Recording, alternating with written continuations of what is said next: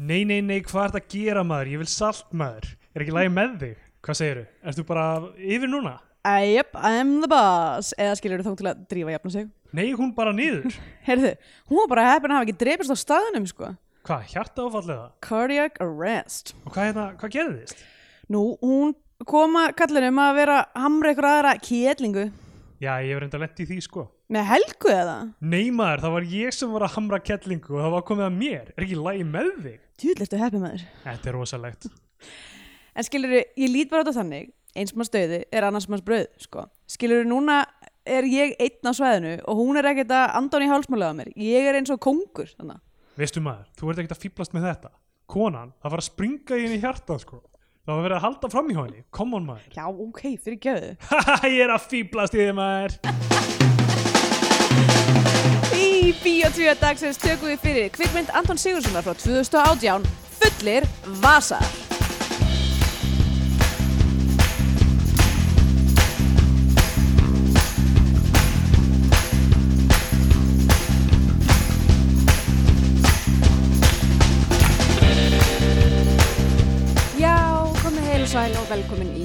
Bíotvíu hlaðvarpið um íslenskar kvikmyndir Ég heiti Andrea Björk og hér með mér er Steindor Gretar Góðan daginn. Og hvað segir þá? Hef ég segi fínt, hef ég eitthvað talað um hérna uh, sveppvandamál mín í þessum þætti að Hef, hefur þú talað um söpvandamál Já. þín í þessum þætti? Meinar þá það að þú kýst að gera innanhús uh, hérna Já, svona- ég hef alltaf að tala við þig um það, ég man ekki hvort ég nefndi þetta já, vera að færa húsgögn og Já, eitthvað þetta er ekki mín vandamál, þetta er meira vandamál Kristjánu kæristuna minnar sko, ég hef oft gengið í svefni. Mm, um, einu sinni þegar ég var yngri þá var ég að gista heima hjá ömmu og afa og ég tók sængina mína úr herbergi öfrið henni og lappaði niður stíga og lagðist í sófan og sá þar. Hljóma fyrir eitthvað harmless? Ég, Já, ég hef alltaf hugsað, þú veist, hvað ég hefði stígið á sængina Já, var hrunið niður stígan og ég man ekki, myndi ekki neitt eftir þessu ég hef ofta eitthvað svona lappast staðið upp hérna eftir við flutum til Berlín og þá var ég einu sinni myndi að taka speil af vegnum þegar Kristjana vakti mig bara hvað er það að gera? Og ég eitthvað reyna að réttlæta það fyrir mér.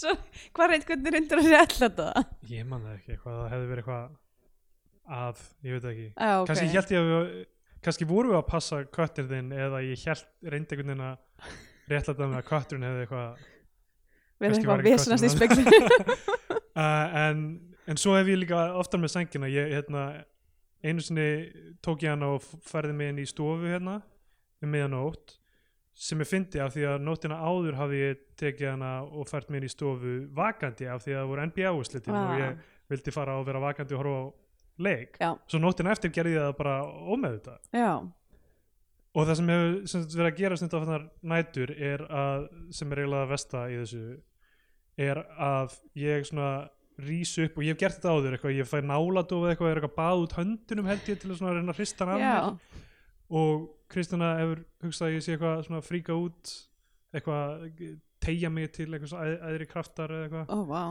uh, en það sem ég hef verið að gera undanfarið er bara að ég upp og byrja bara að hrópa bara eitthvað, nei, nei, hættu, bara lát, láttu mig vera. Oh eitthvað, sé eitthvað skrýmslið eða draugur. Æi, einhver fórinja hún vaknar og fríkar út guðminn almáttur og einu sinni greip hún mig og ég var eitthvað, "Ah, hvað, hvað er þetta að grípa mig? Ég gæti alveg séð þetta sjálfur eitthvað. Og settist upp og svo lagðist, lagðist ég að sofna ég man ekki eftir neina þessu, Já, ok. Ég sé bara í gegnum þetta. Vá. En núna, þess núna man ég eftir því nótt þá vaknaði ég við að ég held utan um hana og ætlaði að snúa mér á hinn að liðan og hún leifði mér það ekki. Og þá hún mér í morgun sko og það var af því að þá hefði ég risið upp og verið bara nei, nei, nei, nei Jésús og hún hefði svona náða að róa mig niður og svo vildi hún ekki að fara á hinn að liðina til að byrja að þú veist, hrópa eitthvað aftur Já, eða Þannig að það er alltaf eitthvað, ef þú ert á einni hlið þá byrjar að vesanast og ef þú ert á hinni hliðin er alltaf lægi ég hef náttúrulega bara þær upplýsingar sem hún veist, hálf sofandi getur sagt. Hvað gerir maður við svona vandamáli? Getur maður farið eitthvað til sálfræðings eða eitthvað? Já, Eða- ég veit ekki hvort kannski sálfræðings eða eitthvað svona, það er einhver sérfræðingar náttúrulega í svefntröflunum einmitt. Ég veit ekki hvað það veri, ég menna þetta er náttúrulega ekki vandamál fyrir mig, þetta er bara vandamál Þér fyrir er drullu sama. Já, hún sem bara eitthvað sitja skjálfandi eftir eftir að ég vekana með látum. Já, ég get ekki mér að þetta sé næs. Nei, ég tengi þetta ekki við neitt sérstaklega þú veist, sem ég er að gera í lífinu eða eitthvað, ég er búin að vera frekar streitulaus undanfarið og... Já, já. Mm. ég, ef það er einhverjir svefn uh, behavioralistar sem að hlusta á þetta hlaðvarp að þá hérna endilega hafi samband og segja okkur hvað ef það er einhver mara þarna úti sem hefur lagst af fólk og getur sagt mér hvernig Já, hvað, hva, af hverju ertu að gera þetta? Og hvernig velur fórnulem þín? já. Ég, Sklu, veit ekki, já. 100% ef það er einhver mara að nóta sem vil koma í viðtal þá mátt þú vera fyrsti gestur Bíotvíó Já, og líka ef þú veist Kate Mara eða Rooney Mara vilja koma í viðtöl þá, þú veist, við höfum aldrei fengið leikara í viðtöl Nei, mitt En myndum gera undartekningu ef þú getur útskýrt svefnmynstur Steindors Já, bara um, þá Já Hvað segir þú? Ó, ágætt bara. Uh, Ég um, bara þegar ég á klóst mitt í dag og það fór dropi af klóstvatinu uh, á munnin á mér og ég er búin að vera í rosalega miklu mínus í allan dag og ég er búin að busta tennanda mín og svona þrísasunum og ég get ekki hægt að hugsa um þennan dropa og mér líður sko, mér líður eins og ég finna hann einhvern veginn bara inn í æðunum mínum, einhvern veginn að ferðast um líka minn og vera bara einhver ógislegu klósett vatnvögvi Þetta er allt í lagi, það eru miklu fleiri bakteríur í munninu ég veit það, þú veist, Hvað skrítið. Þú veist, ég veit, eins og vitfröðulega veit ég að þetta er ekkert mál, Já, þetta er já. ekki neitt vandamál, en ég get ekki hægt að hugsa um þetta, þetta er bara að spólast í ringi í haustum á mér. Þannig að já, ég er bara ég er bara topp fínum málum hérna. Já. Ég er, ég er mér nóiðar með svona, þú veist, ég þvæ mikið á mér hendurnar millið sem ég snerti hluti og eitthvað. Já, og já, ég, þú veist, ég, þannig ég, ég skil alveg hvað þú meina ég sko sem við erum að tala núna þá finn ég fyrir dropanum bara einhvern veginn svona á vörunum mínum. Þetta ekki bara aerosólið út úr munninu mínum? Oh, COVID-dropanum. já, ég maður ætti náttúrulega að vera miklu stressaður með það, en ég er bara að hugsa um eitthvað klósett vatnsdropa endalust En talandi um klósið vastrópa í skilningavitin þá vorum við að horfa á fulla vasa. Við vorum að horfa á hafa bara þögn í núna einn og hálfan tíma í þættinum eða virkilega kafjar sko, ég skrifaði ógeðslega mikið hjá mér Já, um ég líka. mynd, sko. Já, sko, ég, mér finnst að við, við þessi mynd eigða skilið að vera gerð skil Já, uh, út af því að hvernig umfyllun hún fekk þegar hún kom út mm. ég var að búast við að setjast niður og horfa bara á bara, þú veist, lestarslis eitthvað, Mm. ég, ég held að ég var að fara að setjast niður og horfa á bara eitthvað sem að væri ófyrirgefanlegt. Já, uh, en svo var hún ekki það, ok. fannst mér. Vá, eða þú veist, hún var ekki, eða, þú veist, hún, þetta er ekki góð mynd. En eins og, eins og var talað um hana þegar hún kom út, það var þú veist, svona, ég veit ekki hvað maður að segja um, fagfólk á Íslandi var bara eitthvað, já, held að halda einhverja snattastrutnar og það getur bara að fara að gera bíómynd og bara Já, komist já. upp með það. Ok, já, það Eitthvað- er náttúrulega var örgulega einhver elitismi í kringum þetta sko. mjög held ég sko. En, en þetta var samt ein allra versta mynd sem ég sé ég segja, get ég bara sagt strax. Ok, alveg óháð því. Frábært, þá erum við komin með við erum komin með hérna tvo, tvo, óleika, við erum á öndverðu meiði. Wow, velkomin á öndverðu meiði ég, ég, sko, uh, já, við verðum að fara yfir hana og svo getum við svona náðu utan um já. hugsanir okkar sko. Mm um, Sena og Vodafone kynna fullir vasar byrjar Einmitt. þetta.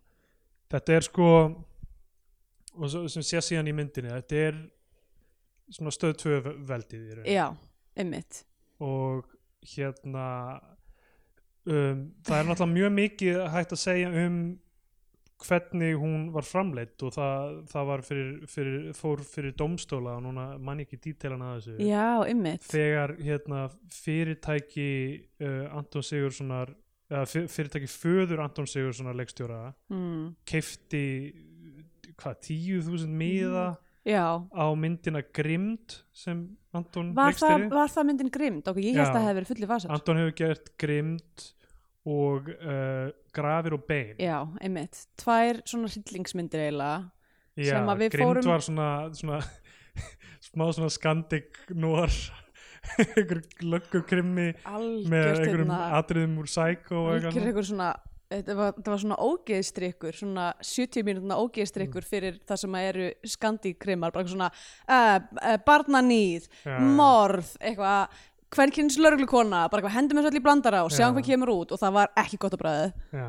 Grafir og Bein var sérstaklega sveppi, eldi í beinni sko og hérna í því dæmi kom fram oh fuck, ég las þetta, ég það eru þrýr dagar sem ég horfði á myndina og ég las þetta meint eftir hana en í því dæmi kom fram einhvers konar misbrestur við fjármögnun þessara myndar sem mm. tengist uh, skák uh, Ská, sambands- oh my god, skáksamband smikilmálið sem Já. að er uppáhalds uh, uh, glæpamál held ég Íslandsögunar mitt glæpamál Íslandsögunar það er bara svo mikið so many things there. Það var náttúrulega tengdist, ok, málið var að ég finnst svo, svo gaman að ímynda mér þess að skákgæja geta eitthvað svona hakað á dópi þetta er náttúrulega, þú veist, Andur Sigurðsson ætti bara að gera mynd ég um veit það, 100% en hérna, það sem gerðist var sem sagt að skáksambandinu barst eitthvað svona tapsett eða eitthvað. Eitthvað svo stórir einhverjum tappkallar og, inn, og sem þið komst ekki við að hafa pantað inn í þeim var uh, efnið sem átt að vera amfetamin basi já, kom í ljós að spænska lögreglan hafði fattað smiklið áður og skipt út efninu. En vita, bara vildi vita hvert þetta var að fara. Og uh, ma maður sem var dæmdur fyrir þetta, hvað, ég man ekki hvað hann heiti Sigurður eða eitthvað oh, núna uh, núna líður mér fáralega að hafa lesið þetta allt saman uh, fyrir nokkrum dögum og búin að gleyma þessu. En hann hérna hvort það var hann eða einhver annar tengdur þessu máli það var einhver annar tengdur þessu máli sem, sem vantaði peninga mjög mikið mm. til þess að leggja þá inn í myndina fullir vasar og þeim ætlaði að fjármagna hann sem er frábært í ljósið þess að myndin fjallar um peningaþvætti. Já uh, að mjög litlu leiti reyndar um peningaþvætti. Uh, ég það samt já, um, ég veit ekki alveg hvað hann fjallar um sko, af því að já. Ég myndi segja að það sem ætti að vera svo inciting incident í þessari mynd gerist á síðustu tíu mínútur eða eitthvað. en hérna ó, já, nú þarf ég að ó, ég finn þetta aldrei aftur. Allavega, jú sem sagt einhver hákon tengdur þessu sem sagt sem uh, hérna vantaði pening í desember árið 2017 vantaði pening frá þessum Sigurði til þess að fjármagna myndina fulli vasa sko það hefur náttúrulega oft verið rætt um eitthvað hvað er mjög furðilegt í kringum þessar myndir Antons fyrst þetta kaupa alltaf þessa bíómiða sem snýri samt um eitthvað samningsmál millir senu og hans og viðskiptafélag hans. Hann fekk greitt inn á einhvern annan reikning en, en félagið sem hann og viðskiptafélagið stopnuði í kringum mm myndina. Og svo var einhver samningur við senu sem var eitthvað ef hún fer yfir eitthvað x mikið áhorf þá er einhver aukagreisla og þetta hafi verið leið til að einhvern veginn koma henni yfir það mark.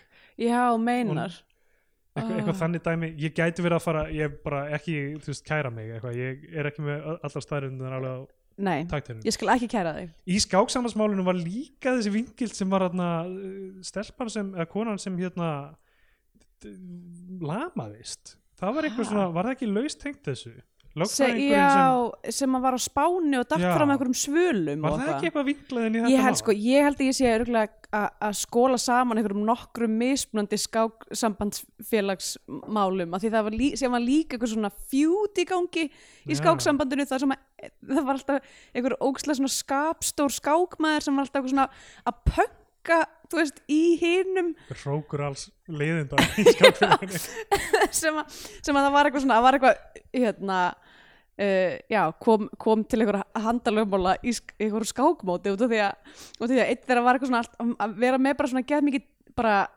bara svona vera dykk, eitthvað svona, þú veist na, þykjast að snerta kallin til að reyfa hann og gera það síðan ekki. Og þú veist, vera, vera bara með eitthvað mæta gett seint í viðureign og eitthvað, þú veist. Like a bad boy of já, chess. eitthvað bad boy of Akkur chess. Beth Harmon og Queen's Gambit.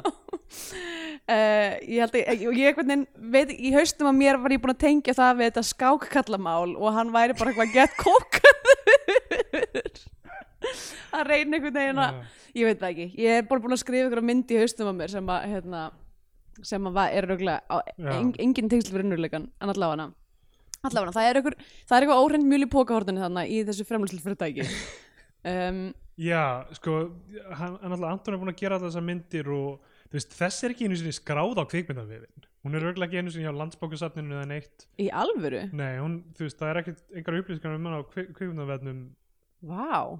bara yfir höfuð held ég, sko Vá, um, hún fór samt alveg í, hún fór í bíó, hún síðan í sjónvarp greinlega einhver samningur þarna, náttúrulega Sena Vodafone, þetta er allt innan, sínar sem er Mhm. þessi, þú veist vertically integrated klassi af þú veist, stöð 2 og, og vísir og hérna, einmitt og síðan uh, síma fyr- fyrirtæki útvarp 101, mm mm. bylgjan og allt þetta dót Conglomerate um, já og uh, hérna og síðan bí, bíóhúsin, senu bíóin Já, og viðburðastjórnunin Æsland Airwaves núna undir senu já, einmitt.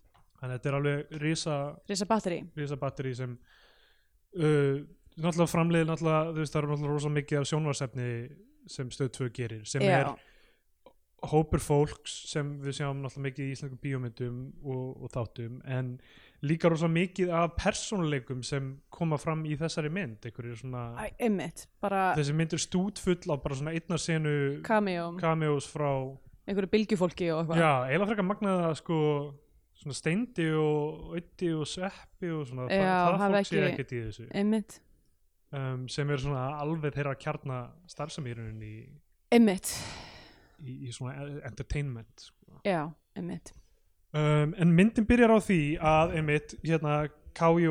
Kjartan Alli Kjart, hann ekki Kjartan Alli Kjart, Kjartansson íþrótta fréttamaður og fréttamaður Já, er uh, að taka viðtal við mann uh, Arnar Tór er hann kallaður. Já. Uh, leikin af, hvað heitir hann, Hjálmar?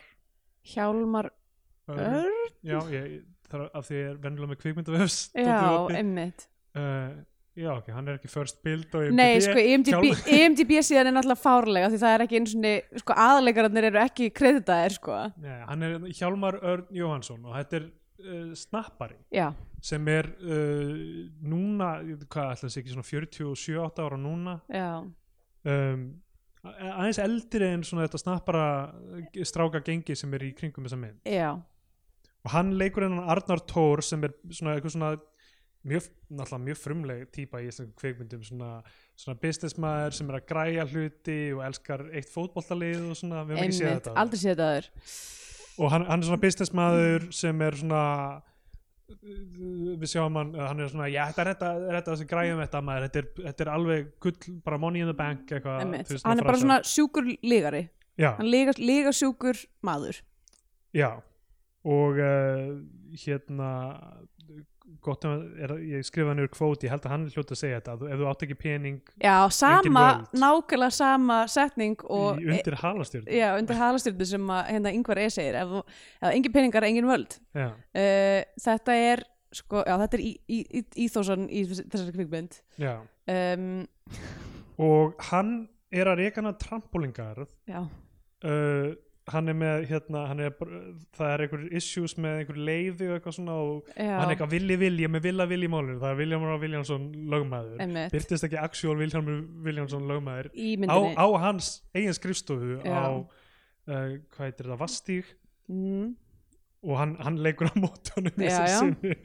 það sem það er einhver issues og, og hérna og, og, og, og hérna það er, það er einhver slís einhver röð slísa sem hefur orðið þarna og eitthvað fólk er örkumlega eftir hann trampólingar mm, og hérna aftur viðtala sem K.J. situr um um, um hann og, Já. hérna, og, og er að spurja hann út í hvað er málið þú veist, þessi staður er fókt, þú veist, hvað er í gangi já uh, sko já, á, áður í þessu að þetta er basically bara, þetta er bara hérna, myndin bara opnar á uh, bara svona hérna, fuck, að er þetta stólið úr mér, hvað það heitir?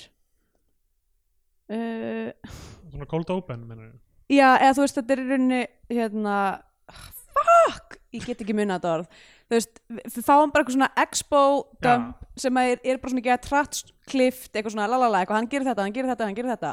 Eitthvað einn af hlutunum sem hann gerir sem að er í rauninni, þú veist, það sem að endar honum í vandræðum, sem að tekur svona eina sekundu að kynna í þessari, sen, í þessari röð sena uh, er að hann fær einhverjar, eh, einhverjar miljónir lánaðar frá einhverjum frá einhverjum skuggalum bílasala. Já. Það er uh, já, ég, ég bæði við þessu viðtali villi vil hérna, aðspurður um hérna, Montas já, montas já. er orðið sem ég er að leita Já, þetta er, veist, þetta er bara alltaf mjög hra, hra, hraðklift Uh, það er engin tón, það er Nei. svona push it to the limits er ekki undir þarna en, en veist, þetta er mjög hraðklift svona röð af upplýsingum sem ef maður á að fara að pota í pota í þetta handrit þá myndi ég segja að þetta er eitthvað sem hefði getað komið mjög náttúrulega í ljós. Já, flest af þessu hefði geta verið bara skrifað inn í senur. Já, já, og svo sko kemur, af því að þetta er búið að vera í gangi í smá tíma, svo kemur allt í einu svona eitthvað, við erum búin að sjá hann gæði ekki eftir mikið þá kemur allt í einu eitthvað svona óbærileg eitthvað svona svona, svona hérna svona, uh, svona record scratch svona eitthvað stoppa rammin á honum og það kemur svona ógisla ljót grafík yfir sem er eitthvað, þetta er það sem þessi heitir hann er eitthvað ógisla lélög businessmaður og geð mýl svikari er, eitthvað, það er svona leið til þess að kynna aðalpersonuna já, bara eitthvað þrjú, þrjú gjaldþrót lalala, á meðan við erum að sjá sko þrjár mismunandi uh, söguþræði í rauninni Já. þeirra þar sem þeir tengjast ekki neitt fyrir en mjög langt inn í myndina Já. þegar í rauninni þú veist aksjónið byrjar sem er þú veist plottið það sem, það sem segja annar þáttur myndarinn byrjar það sem þau byrja að plana bankarán sem er alveg mjög langt inn í myndina Mm. Já, þessi mynd En- er náttúrulega mjög löng það verður bara sést svo er hún er samt bara eitthvað svona 190 nei 190 mínútur okay, hún er já. 90 mínútur en hún er á einhverjum svona COVID tíma maður er bara eitthvað heldur að maður sé fastur í einhverju tímalúpu og sko, nei það sem ég vildi segja með sko þetta setna viðtalana K.J. við hans Já. við hann, er að þá er hann að spyrja hann, herri, ég, hann er eitthvað svona villi, vil, þú tala bara við hann og hann er eitthvað, herðu, ég hringdi nú í Vilján Viljánsson lögmann og hann kannast ekki við að þú er skjólstæðingur hans." þannig að þú veist Vi- Villi tekur þátt í þessari mynd sem sem, gef, sem eigi alvöru persóna og gefur til kynna hann sé reyðbúin að dömpa skjólstæðingum sínum algjörlega Já. og bara afneita þeim bara eins og, eins og Jésu en er það Jesú. en, þú veist, kannski, ok.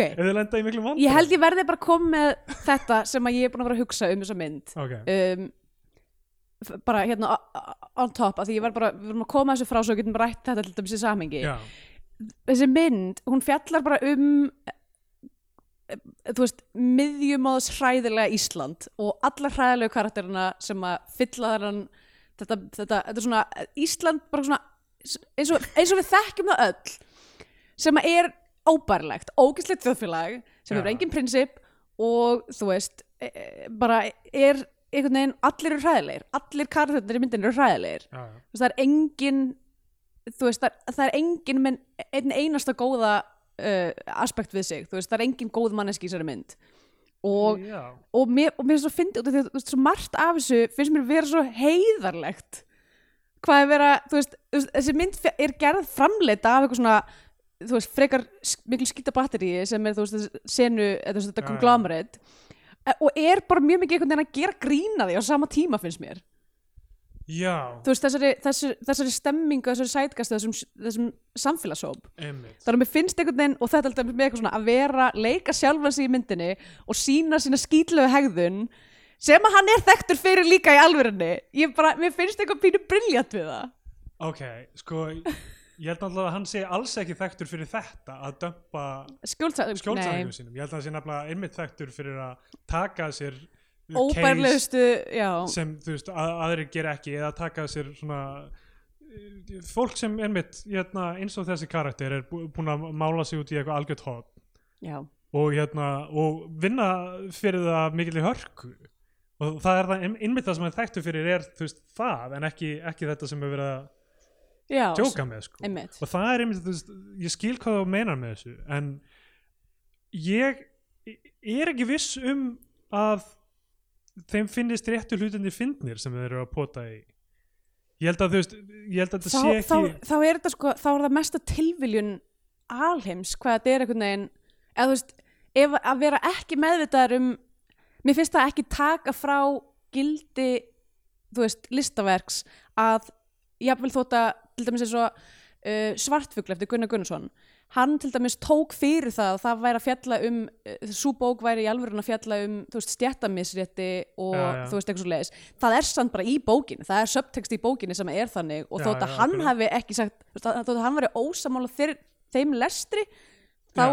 er það, veist, þá er það samt virði já já það er alveg þú veist náttúrulega þekkt sko þannig að og, þótt, að Artur Sigursson hafi kannski ekki átt að segja á því að hann væri að, teik, taka einhvern skítadömp á þetta samfélag að þá er þessi mynda samt ok, já ég held, ég held að þú auðvitað geti lesið hana ef þú þetta er þetta mjög áhugavert af því að hérna, það er oft talað um veist, eins og myndir Martin Scorsese sem Mm. veist, eitthvað upphefur gangstera og glæpamenn þegar ég held að þú veist, flestir sem actually horfa myndina til enda. Er eitthvað svona, ó, er eitthvað svona, já, nei, þetta er hérna, sko, svo letrar í fangilsi Já, já, eða er- deyr. já, eða er bara ógeðslega innmanna eða er, þú veist, eitthvað þú veist, það kemur alltaf í baki á þeim. Já, einmitt. Um, og þú veist, ég er ekki vissum að fólk fái í þessari mynd einhver makli málagjöld við náttúrulega vitum það ekki út af því að myndin endar alveg fáránlega. Og þú veist, ég er ekki vissum að maður eigi að lesa senur eins og þess sem við lásum í upphafið þannig að það sé verið að gera grín að uh, kallrembu þessara gauðra heldur actually að það sé fyndið konceptið sé fyndið hvað uh, gaurin er svona bara grottaralegur mm. að vera grottaralegur að vera svona einhvern veginn uh, að þessi gaurmaður hann er alveg, hérna, hann er alveg í ruglinu þessi eða eitthvað. En ekki vera að pota inn einu kultúr eða neitt annað. ok ég ég held að það sé þetta bara klassíska þeir eru, veist, þeir eru, eru vitlýsingar já. En ekki það er eitthvað einhver Þetta- ílska sem þetta er rekja þetta er rótið samfélag. Já, þetta er ekki, þú veist, einhver, ílsk, einhver meinsemd í þjóðfélaginu sem, sem það er eitthvað uppræta. Heldur þetta eru vitlýsingar ef þau myndu aðeins, þú veist hæja á sér og slaka hans á, skilur þá já, myndu kannski læra að gera, gera business eins og ok, ég meina bílasalinn og, og sonur hans í þessari mynd? Já, ég veit ekki, ég get svo sem þú veist, ég skil ég skil það, en ég veit ekki mér langar, þú veist mér ég langar er bara mjög ánærið þegar langi að lesa hana þannig og ég að mér, við lang, bara mér, fara inn lang, í þetta mér þannig langar að gefa þeim þann sjens að Ok. það sé þú veist, að það sé allavega einhver þarna sem kveikt á peruna að þetta væri það. Já, en þú veist, að það þarf samt ekki að þýða að allir hafi verið on board með það en þú veist, nei, nei. Mér líður samt eins og það hljóti að vera, já, eða samt ekki. Það er kannski bara briljant að það er óljóst. Já, ég held að þetta sé mynd það sem á að vera fjör og gaman hvað, þú veist, sjá þessa vitleysinga þú veist, reyna að reyna banka og reyna að verða ríkir hratt. Mm. uh, algjörlega án einhverja svona sín á eitthvað svona alternativ við það eitthvað svona antesu já, hér, Við- hér er heiðlega manneskja Já, eða, eða þú veist hér, er hérna hér er áköf þú veist uh, metnaðarfull óheðaleg manneskja sem er saman maðura versus hérna kannski of passív heiðaleg manneskja sem, einhver, sem er með einhver aðra galla eða eitthvað þannig sko. mm. um, en, en þetta, en mér finnst þetta mjög veist, áhugaverðin ég hugsaði þetta þegar ég var að horfa. En, en það, ég held að aðmálið sé bara ég sé ekki veist, að brandarnir lendi þannig eða veist en ég, ég skil alveg þennan lestur. Ok, förum við plottið af því að sko, það er að nóg að það er taka. svo er- sko, sko, síðustu þáttur var klukktíma 40 myndir já, þessi, ég veit ekki hvað þessi er frá langur sko, sko eftir þessa kynningu á Arnarnir Tór þá sjáum við uh, tvær heyrnalösa manneskjur á kaffihúsi vera að í, á tákmáli Já. um mér, minnir þetta að sé eitthvað veist, þau eru Eitthvað skilnaður sem- eða eitthvað já, einmitt, eitthvað sambandið er að, er að þetta eru bara nafnlausar manneskjur á kaffihúsi. Er að rífast með tákmáli og svo kemur uh, þetta fannst mig góðu brandarinn uh, að þú veist, það er allir heyrnalausir á þessu kaffihúsi. Já, það er einhver er að sko skó, eitthvað skólaferðalag eða allir, allir tala sem sagt, uh, tákmál já, já, uh, af því að það kemur sagt, þjóðn og er bara eitthvað á tákmáli herðu, viljið þið hafa lægra? Já, það eru börn hérna og þá er heilt bekkur að eitthvað, eitthvað skólaferðalag já, eða, eða þú veist ek- ég, ég veit ekki, einhver heyrnalaus uh, hópur krakka uh, sem eru bara stara á þau sko. sem ég veist gott en aftur á móti samhengi það sem þetta bara eitthvað svona hendin sem brandara og það er þú veist en, engin, það er ekkert annað í kringum þessa persónur? Nei, einmitt, þetta er bara svona throwaway eitthvað svona, þetta væri fyndið Já, þetta væri já. fyndið dæmi. En þetta, kannski í öðru samhengi myndi þetta virka á einhvern svona Þetta- naked gunlegan hátt eða já, eitthvað, en- þetta er náttúrulega samt var þetta er svo mikið Pulp Fiction dæmi sko. Já, út af því að þetta er eitthvað svona, að hér er eitthvað fyndið í gangi sem við vitum ekki hvað er að gerast.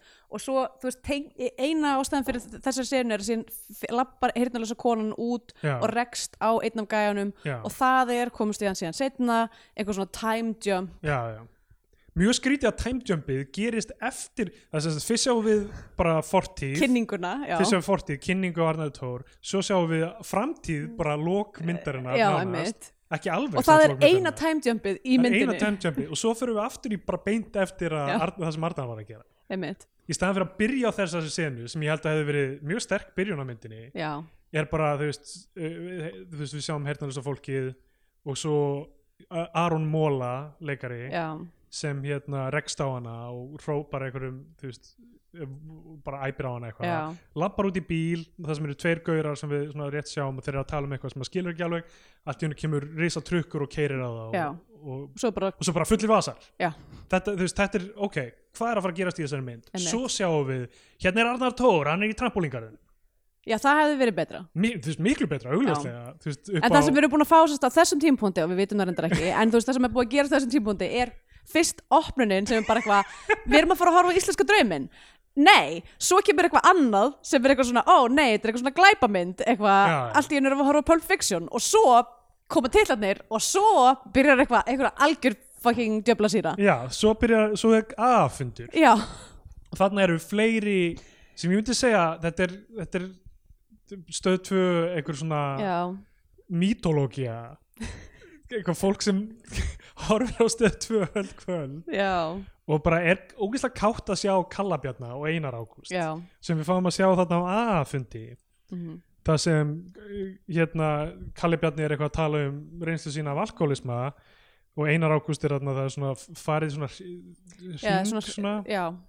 Um, uh, kameran er bara skemmt, skemmta sér með hérna svona uh, harness steadicam í þessari mynd þetta er ekki eina séran sem Nei, er nei, svona. það er að- hún gerir setna sem var mjög fyndið sko, og hérna já, Arnar mætir þarna inn með látum og leiðendum rekur einhvern mann úr sætinu sínu uh, og uh, eitt af tveimur hérna, atriðum í myndina sem ég hugsaði að, að eiginlega rasismi af því að hann rekur veist, eina, einu Já. non-hvítu manneskuna úr sætinu sínu. Einmitt. og ég bara eitthvað, er einhver meining með því?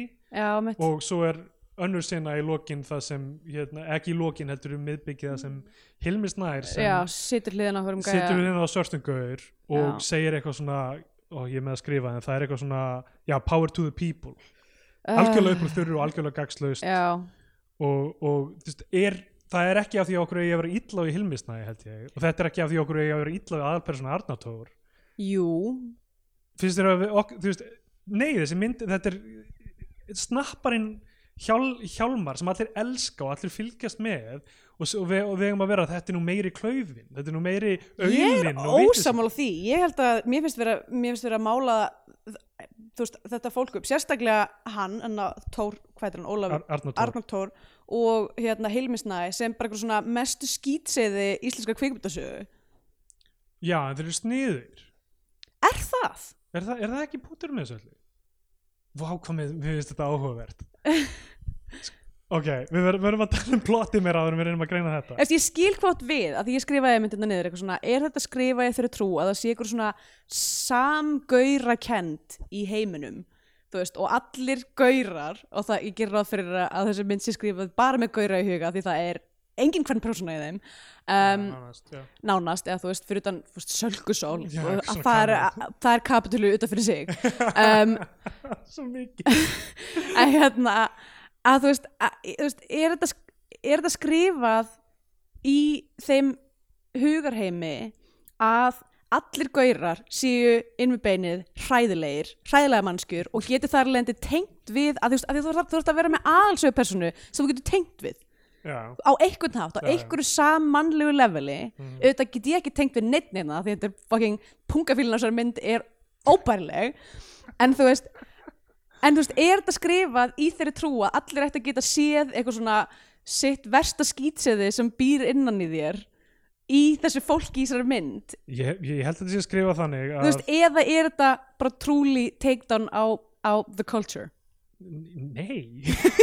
Ég er að, ég er að Ég- spyrja. Ég segi, þú veist, mér finnst svo fyndið að þú hafi líkt Antoni við Gunnar Gunnarsson. En þú veist, ég held að Anton bara eins og í öllum hinum myndinu sem hann hefur skrifað sé hann ekki með hann er ekki með góð tök á einhverjum svona story structure. Nei, það er, það er deginum ljósara. Og ég held að hann hugsi bara þessi gaur er vinsæl snappari hann er náttúrulega fyndin og ég skal alveg gefa hann það Já. þessi Hjálmar er sjarmirandi gaur hann er, hann er þú veist, hann er með fínt delivery á línum er alveg fyndin okkur á að líka við hann af því að þetta er snappari okkur á Er að líka það? við Ég að er- snapparinn Ok, ég er sem allir eru að aldrei horfa á í síminu sínum að, að segja einhverja djóka og halda með Liverpool og eitthvað Mm. að hann sé að leika vesta skúrk sem eða þú veist, vesta auðla hann, Já. það, er, mál- hann er auðli, hann er blindur á hvað hann er vittlus hann er ekki í eðli sínu vondur, hann er bara blindur hann er með drauma hann vil flytja til Ibiza með dóttur sína sem hann dreymir um að sem hann hefur ekki Ég yfir veit, hann er bara blindur á þessa drauma og maður er að hugsa að þessi gaur vill allt gangi upp skilur.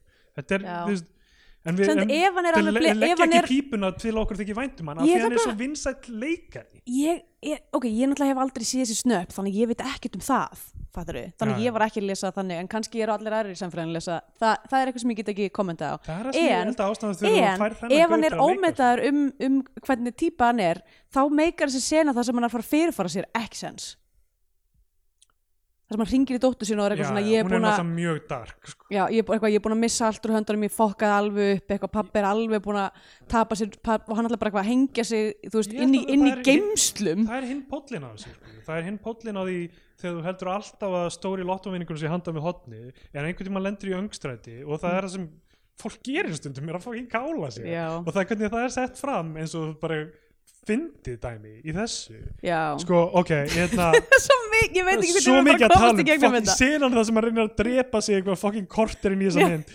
Sem sagt, uh, hérna, hann er á þessum A-fundi. Og þar eru Kalli Bjarni Já. og, Já, uh, og hann er að reyna að selja Einar- þeim Einar einhvern nýjan business, eitthvað whatever. Við, það er alltaf mjög óljós ég meina fyrst, ok, hann, hann hann kemur selja? inn, riðst inn á hann hérna AA-fund og basically er, er að nota hann til þess að, til þess að networka og díl, gera já. sitt. Sem að þú veist, ég veit ekki það, það, það dæmi, þá var ég bara hvað þú getur ekki skrifað sér senu og ekki verið búin að ákveða. Að þetta er mesta skýtseði sem að er hægt að setja á pappír. Já, en svo gefur henni sinu uh, beint eftir það sem hann, það sem hann hringir grátandi í dóttur sína sko. þannig að þú veist ég, held að augljóslega eigi að vera humanæsan eins og hægt er þú veist, eftir, eftir get, bestu getu handrið sem þetta Já, en ég meina, er það samt ekki, þú veist, það er gott að það sé núan, mesta skýtseði heims þú veist, getur samt líka að elska dóttur sína. Pælti þá í endinum. Já, ég veit, ég, I know. Ok, hérna sem ég finnst kristalla mína tésu mynd. ok, svo klifti yfir í gauðra sem heita Benny og Hjalti. Mhm. og þeir eru leiknir af tveimur öðrum samfélagsmiðla stjórnum sem ég man ekki nöfnina á. Já, um, býtu, býtu, ég hlýta að geta fundið þetta. Af því, var, af því þeir eru einmitt ekki á IMDb síðunni og þannig ég þurfti eitthvað að fletta því upp annar staðar. Um, Egil Plöter já, og um, hinn heitir hinn er einhver algjör sko kendúka bara að hann er ekki þú veist, hann er ekki með vöðva í andlitunum maðurinn getur ekki leikið. Já, menar er það skeggja ykkur? Já. hann er, hann er en svakalega vel hérna grúmað skegg, það Já. verður að segja þessu er algjör skegg góls fyrir mig Já, ég var endur að fara að segja, ég ætlaði að segja er það nökkvi fjallar nökkvi fjalla, ætlaði það ekki, jú. ég get örgulega að fundið þetta er hérna, hérna áttu heitir þetta ekki áttan eða heitir þetta null nei, já, já, þetta er örgulega áttan eða eitthvað ég veit Já, ekki. allavega eitt Já, af þessu það, það er nökkvi fjallar sko. Ok, hérna, ég ætlaði að reynda að segja mig að því þú ert búin að vera saman skeggi þú ert svona farin að líta pín út eins og svona svona, hérna, svona 80s kendúka sem er með alvöru hár mm. Sem að er alltaf svolítið skrýtar svolítið, það er actual dúkkan Já, minna, já en það því að því að þau eru með svona alv, kendúkan er þú veist, með alvöru hár og hárið er Já, já. en svo er skeggi svona eins og svona eins og svona flís eða eitthvað það? Nei, ég er, ok, ég er, ég er, ég er núna er ég að vera núna er ég að Nei, vera ég, er, en ég, er, ég, þú veist, ég er að taka janúar uh, healthy, ég er ekki að drekka Já. og ég er alltaf ekki að snerta með skeggi í allan janúar, Ok. það er pæ- pælingin Nei, Þannig að ég er samt ég alveg, ekki ég er, náða að snirta ég þannig er aðeins að djóka, það kemur mjög vel út Já, þetta, þetta verður skárað að ég er búin að snirta Mm. En sem sagt, þeir vinna í húsasmiðunni uh, hérna, Benni og Hjalti og þeir eru að reyna að selja einhverjum manni heitanpott fyrir 6,7 miljónir á netgíró eða eitthvað svona Já, 200 og eitthvað þú skallar mánuði Fa- og maðurinn er í pottinum. Já.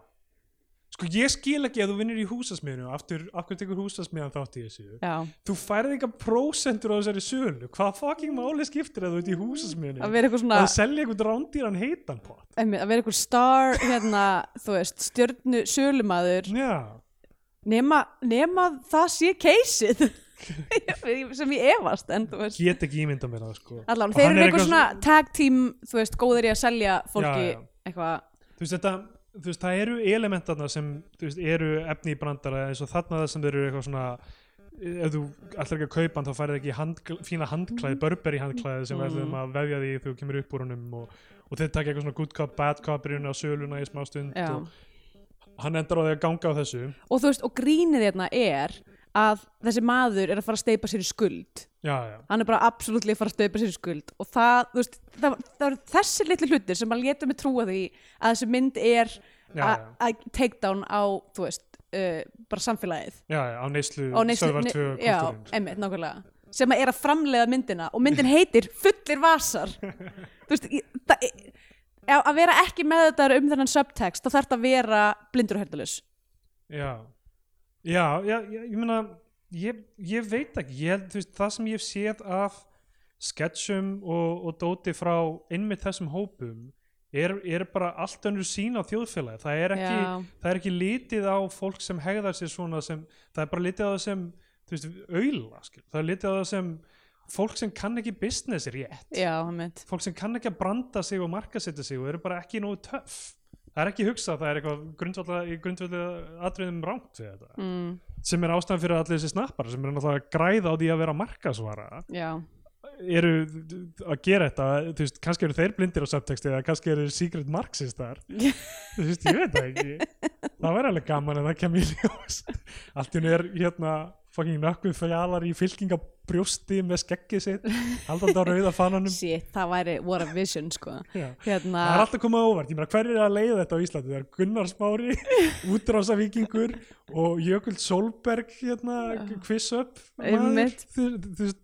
náfrændi hitas más eins og stóð á vísi í fréttum fyrirsögn.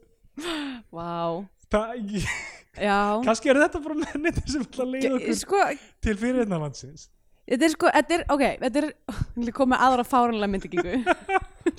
þetta er svona, þetta, þetta er ákveðum svona hnífs, eða svona blaði, þar sem að þetta getur farið í hvora áttina sem er, eins og til dæmis hvernig Monopoly var upprunnilega búið til af, af kennara til þess að útskýra hversu hræðilegur kapitalismi er og síðan er þetta, þú veist, stærsta borðspil allra tíma það verður alveg mjög gaman að líta á þessa mynd eftir svona 10-20 ár, þú veist, eftir bankaðurinn fjögur og Já, þú veist, eitthvað whatever þú veist, en máli er að Monopoly þótt að það sé þú veist, neysluvara og þú veist og, og í, núna í eigu ykkur að þú veist assholes eitthvað hérna, þú veist, það sérst, leif því, hérna hugmyndina af spilinu var stólið frá Parker og, og síðan hérna og uh, uh, hérna, hvað er þetta aftur? TM, nei ekki TMC Já, Eh, copyrighta. já. frá henni af einhverjum kokkin kapitalistum sem er ennþá þetta er bara en máli er ef þú spilar Monopoly Já, já, þá, eins og ég hef gert sem lítil sko Monopoly radikalisaði mig þegar ég var svona fimm ára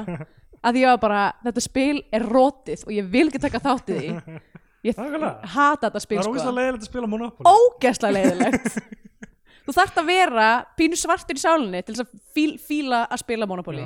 Saman með Katan, snýst það ekki einmitt um framlýslu þættina og hvernig þú einangrað á og spillir fyrir verkum annara með því að leggja vegi fyrir akurinn þeirra eða whatever. Alveg ég eiginlega sko ég er mjög, mjög mikil hérna, borðspilanörd ég eiginlega get bara að spila co-op spil þessu dagana. Já, ég já. bara meik ekki eins og Pandemic. Já.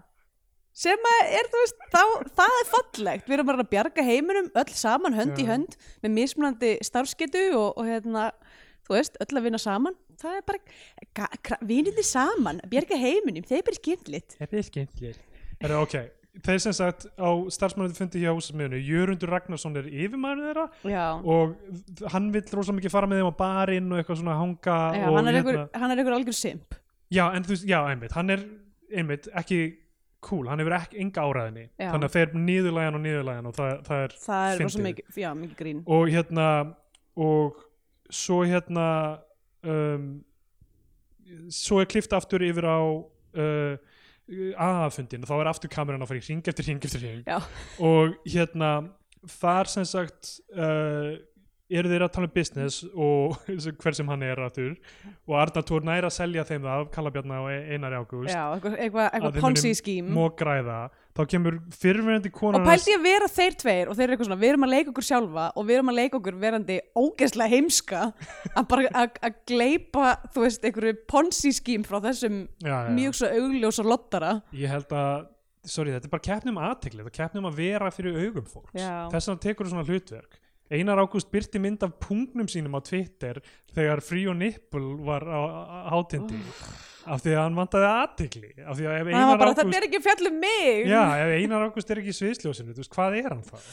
það er nefnilega eitrið í þessu samfélagi stöðvar tvö fucking Já. eitrið Já. sem er þessi stanslösa vera fyrir augum fólkstæmi mm, sem er líka það sem bara leiðir út í alla listasena á Íslandi já. sem veldur því að hljómsettir eru stanslust að performera fyrir fyrirtæki á ársatíðum og skólum á ársatíðum og, Mm. og hérna listamenn eru fastir í einhverju vítarhingi einhverja gigga sem snúast um eitthvað allt annað en einhvers konar listræna framúrstefnu sko. uh, ekki ég sé að dæma listamennina fyrir að taka þátt í, heldur kerfið sem heldur þeim í því, Já. er það að þetta snýst um stanslust relevans, að vera alltaf relevant og hverfa ekki úr því að þá er næsta payday farið og þá verður að horfa einhvern veginn öðruvísi á þetta allt saman. Og ég hlust ekki á tónlistir Einars Ágúst en í eðlulegu samfélagi þá geta hann fyndið sér eitthvað nýs.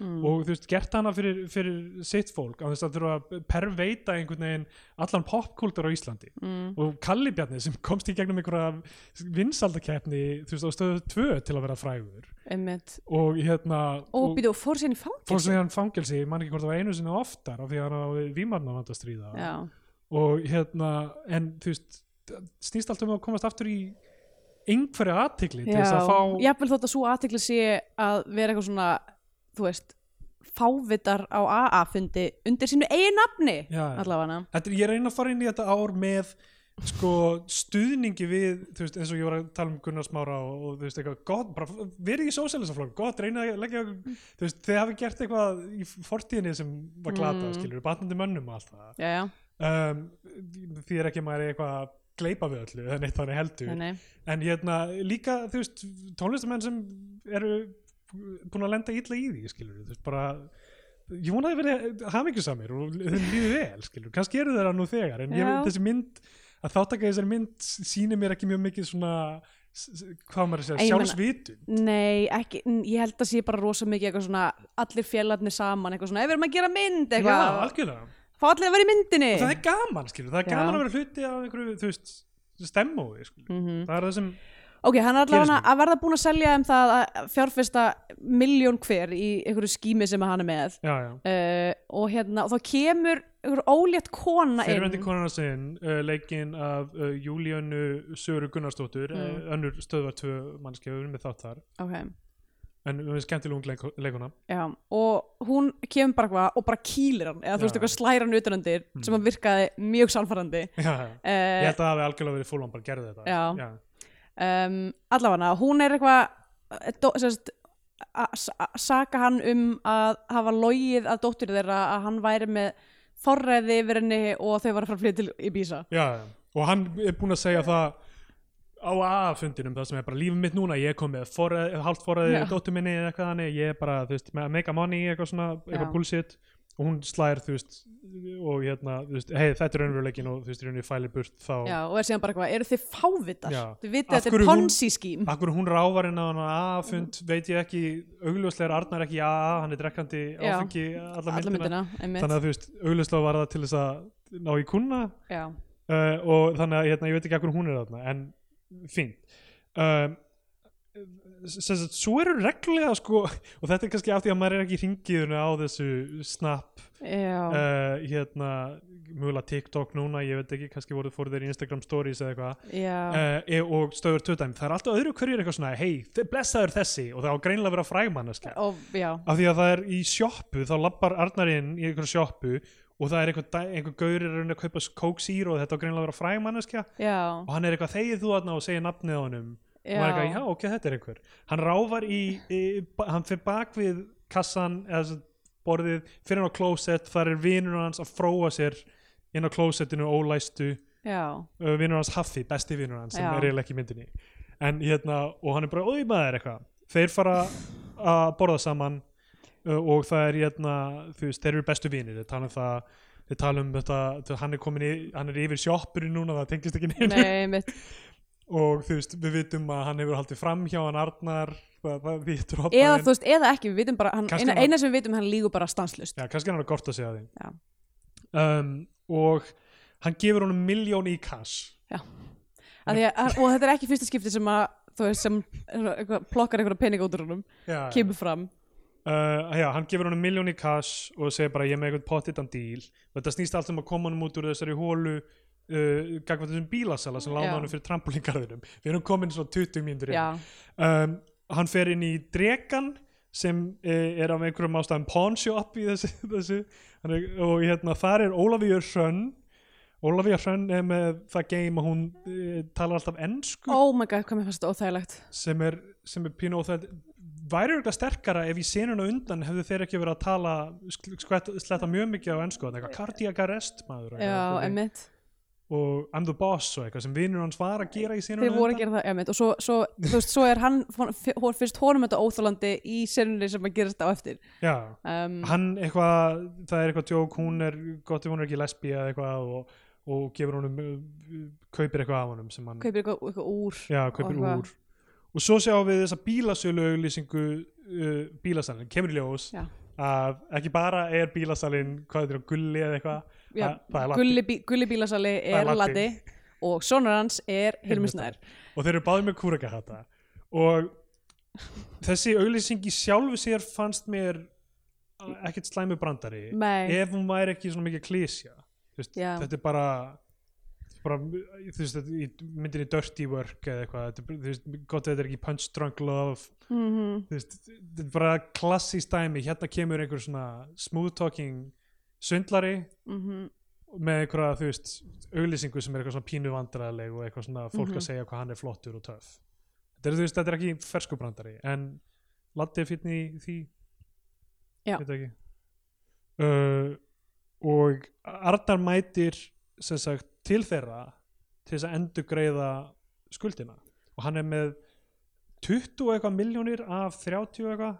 20 og eitthvað af 40 og eitthvað. Já, hann er með cirka helmingi. Já, sem hann náði að sapna á bara einhverjum no time já. Og það- þú veist, við sjáum eitthvað svona montast þar sem hann er eitthvað svona að, þú veist, ta taka einhverja peninga á einhverjum bönnum og eitthvað, það er bara eitthvað búin að þú veist, hrista alla sem hann getur niður. Um, já, og, og já, Hilmi Snær tekur á móturum og er eitthvað svona þú eru bara að díla við mig, eitthvað.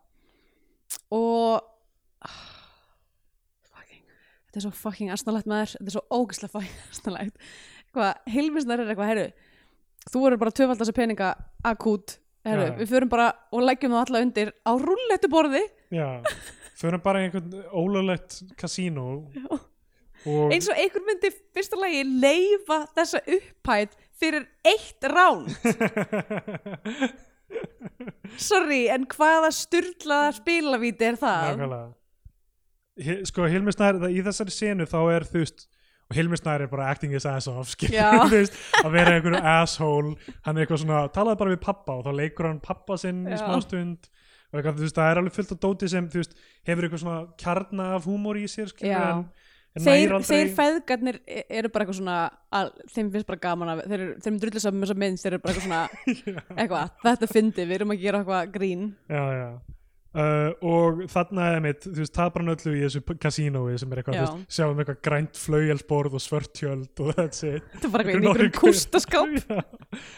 Og uh, herðu, hann tapaði öllum peningnum þannig að hann mætir til Latt og bara herðu, sonur þinn sagði mér að gamla þessu hann neytti mér til að gamla þessu öllu þá segir Latti sögu frá öðrum manni sem skuldaði pening og dó og kemur í ljósa þú veist, það var hann sem draf mannin með því að gleyma honum inn í skotti á bíl og hann eitthvað já, gleymd honum þar og svo sett hann líkið í húsgrunn grunn í hérna fyrir gullbrú. í Gullinbrú, Gullinbrú, í Grafavegi já. og svo er hann eitthvað, ég er nú einmitt í öðru byggingaverkinu með Reykjavíkuborg og það er kannski maður að byrja að steipa aðeins fyrr og sendi þér hennar grunn. Þetta er, Sko- þú veist, ég skil aðeins hvað þú ert að tala um núna Er, er það ekki? Þú Já. getur ekki verið eitthvað svona og þessi maður er með samning við Reykjavík borg þú veist, í, þú veist hann, hann er búin að fá fucking eitthvað útbóð frá Reykjavíkuborg þú veist þetta, þú getur ekki verið að skrifa hluti ef þú ert ekki meðvitaður um hvað þetta er fucked up þjóðfélag Já, en ég held líka, það getur vel verið en ég held líka, þú veist, að, á þess að við séum að fara fram og tilbaka allan þáttinu með það, Já. að þú veist, ein, þú veist, þú hendir inn einhver svona eitthvað, með einhvern samning við Reykjavíkuborg og eitthvað svona, þú veist, ekkert af þessari spillingu er eitthvað explorað, hún er bara svona pers pervasive í samfélagi, hún er bara samfélagið það, allir eru vondir, þú veist, Ólafja Hrönn er líka sökkar. Salkasól sökkar líka, það sökkar það sökka allir. Allir eru umulegir í öllu sem þið segja og whatever. Já, þannig að þú veist ég, ég held að það sé frekar eitthvað svona eitthvað svona gaggrinni, ég veit það ekki þetta er, þetta er áhugavert, það væri gaman að vita meir um Anton Sigursson og hvað Já. hún gengur til Já. almennt, hvað í er hver er hans drifkraftur ok, í hans sko, listsköpun? ég veit það ekki það, er, það var einhver ein sena það sem hann er eitthvað hérna hann er eitthvað að tala, hann er, er að backpedala við stóttur sína um, um, um hlutina sem að mamman, mamman var að segja og hann segir eitthvað svona, bara svona under his breath mamma er hóra já, það var svo ógeðslega fyndið. Bara, bara held ég bara hérna hvernig það var, veist, já, gert. En þú veist, en ég veit ekki ég, þetta er erfitt að uh, ég veit ekki sko, þú veist, þessi, er það þessi, þessi satíra mynd er reynast mér of stór biti til þess að- tyggja. Er það satýra ef það er óþekkjalegt fyrir raunverulega hlutin ég, af því að sko það er alveg, þú veist, er þetta eitthvað svona Paul Verhoeven dæmi? Ég er nefnilega þú hefur alltaf mikla trú ég held að þeim finnist bara fyndið að hann kalli mömmu sína hóru fyrir fram hann barnið þeirra ég held að þeim finnist það bara ógeðslega fyndið hann Já. sé bara djöðus villist ykkur er þetta að gera en ok, sant, þú ætlar að vera hreinskilin þegar, þegar við horfum eins og við gerum oft Já. á Já. erum við samt ekki líka að hafa gaman af ferðalæginu Jú, óhá, ég, óháð satírinu jú, en það er sem svo að svo mikið myndi er intention í öllu sem er gert þar veist, það er dvalið við momentin sem eiga að gefa manni svona þetta nudge, skilur já, þú veist, það er, það er verið að Já. veist, það, það er svo mikið þetta, en samt ekki en, en málið er samt að það er samt frekar nýleg túlkun. Þegar Showgirls kom út þá kveiktu mjög fáir á satírunni já, já, já, það, það má vel vera. Þannig að þú veist, kannski það- ég- kannski er þessi bíómynd eins og fínt vín það er bara aðeins að fá að sitja. Tjú, er það fyndin lestur á myndin líka að þú veist, af því að það er náttúrulega allt í ruggli varandi einhver svona staðreindir um hvernig bankar virka allt, og, sko, og hérna gjalderis viðskipti og allt svona. Það, þú veist, að það sé bara eitthvað hei, ef við skrifum þessa mynd eins og eins og fuck, þessi fávitur eins og ég, eins og kvikmynd gera maðurinn sjálfur sé vitlýsingur Já. menn ekki að gera minimal rannsóknarvinnu eða Já. pælingar. Um, hérna þú ok, veist, hversu miklu fávitur þeir eru í að skipra geta bankarán gefur þetta kynna Já, sko hann hérna, hann ringir í dóttur þarna fyrir hann kemur í ljós, hann býr í geimslu í geimslum já, hann býr í svona einum, einu þar það er alltaf hann að hengja sig og Mhm. mér finnst svo sena fær smá það er bara skot sem er bara svona í smástund bara, þetta er snaran, hann Mhm. fer í hana síminn hans ringi, hann, hann tekur upp hann, hann ringir í dóttur sína og segir að hann sé búin að fokka Búin allu að upp og bara eitthvað, vona- og byður hana um eitthvað svona sama hvað mamma einn segir, reyndu að hugsa vel um mig eða, já, bara hugsa mun eftir mér á frá góðu tímunum svo ringir uh, hérna vinur hans og það, er það Aron Móla sem ringir já, ég skil ekki að hverju það dregur hann úr snörunni. Af því að hann er bara eitthvað ég er nýkomin komin út úr fangelsi. Já, það er að hann er með nýja hugmynd sem hann fær bara í snörunni vinur minn er úr fangelsi ég veit hann er vestikrimmi í heimi. Já. Og hérna hann getur hjálpað mér. Það er algjörlega ekkert þú veist, hann er bara virkilega vondurgauður mm. og þa þa það er bara, herðu, eftir að hafa beð, sagt við dóttur sína hérna herðu, ég vona munir eftir mér sem hressagörnum eitthvað þannig. Þá hugsa hann, herðu, nei, best að fara í slagtók við, við vestagaur í heimi við já, að gera hræðilega hluti. Já, ok, þetta, tekur inn í eitthvað Veroven box. Já.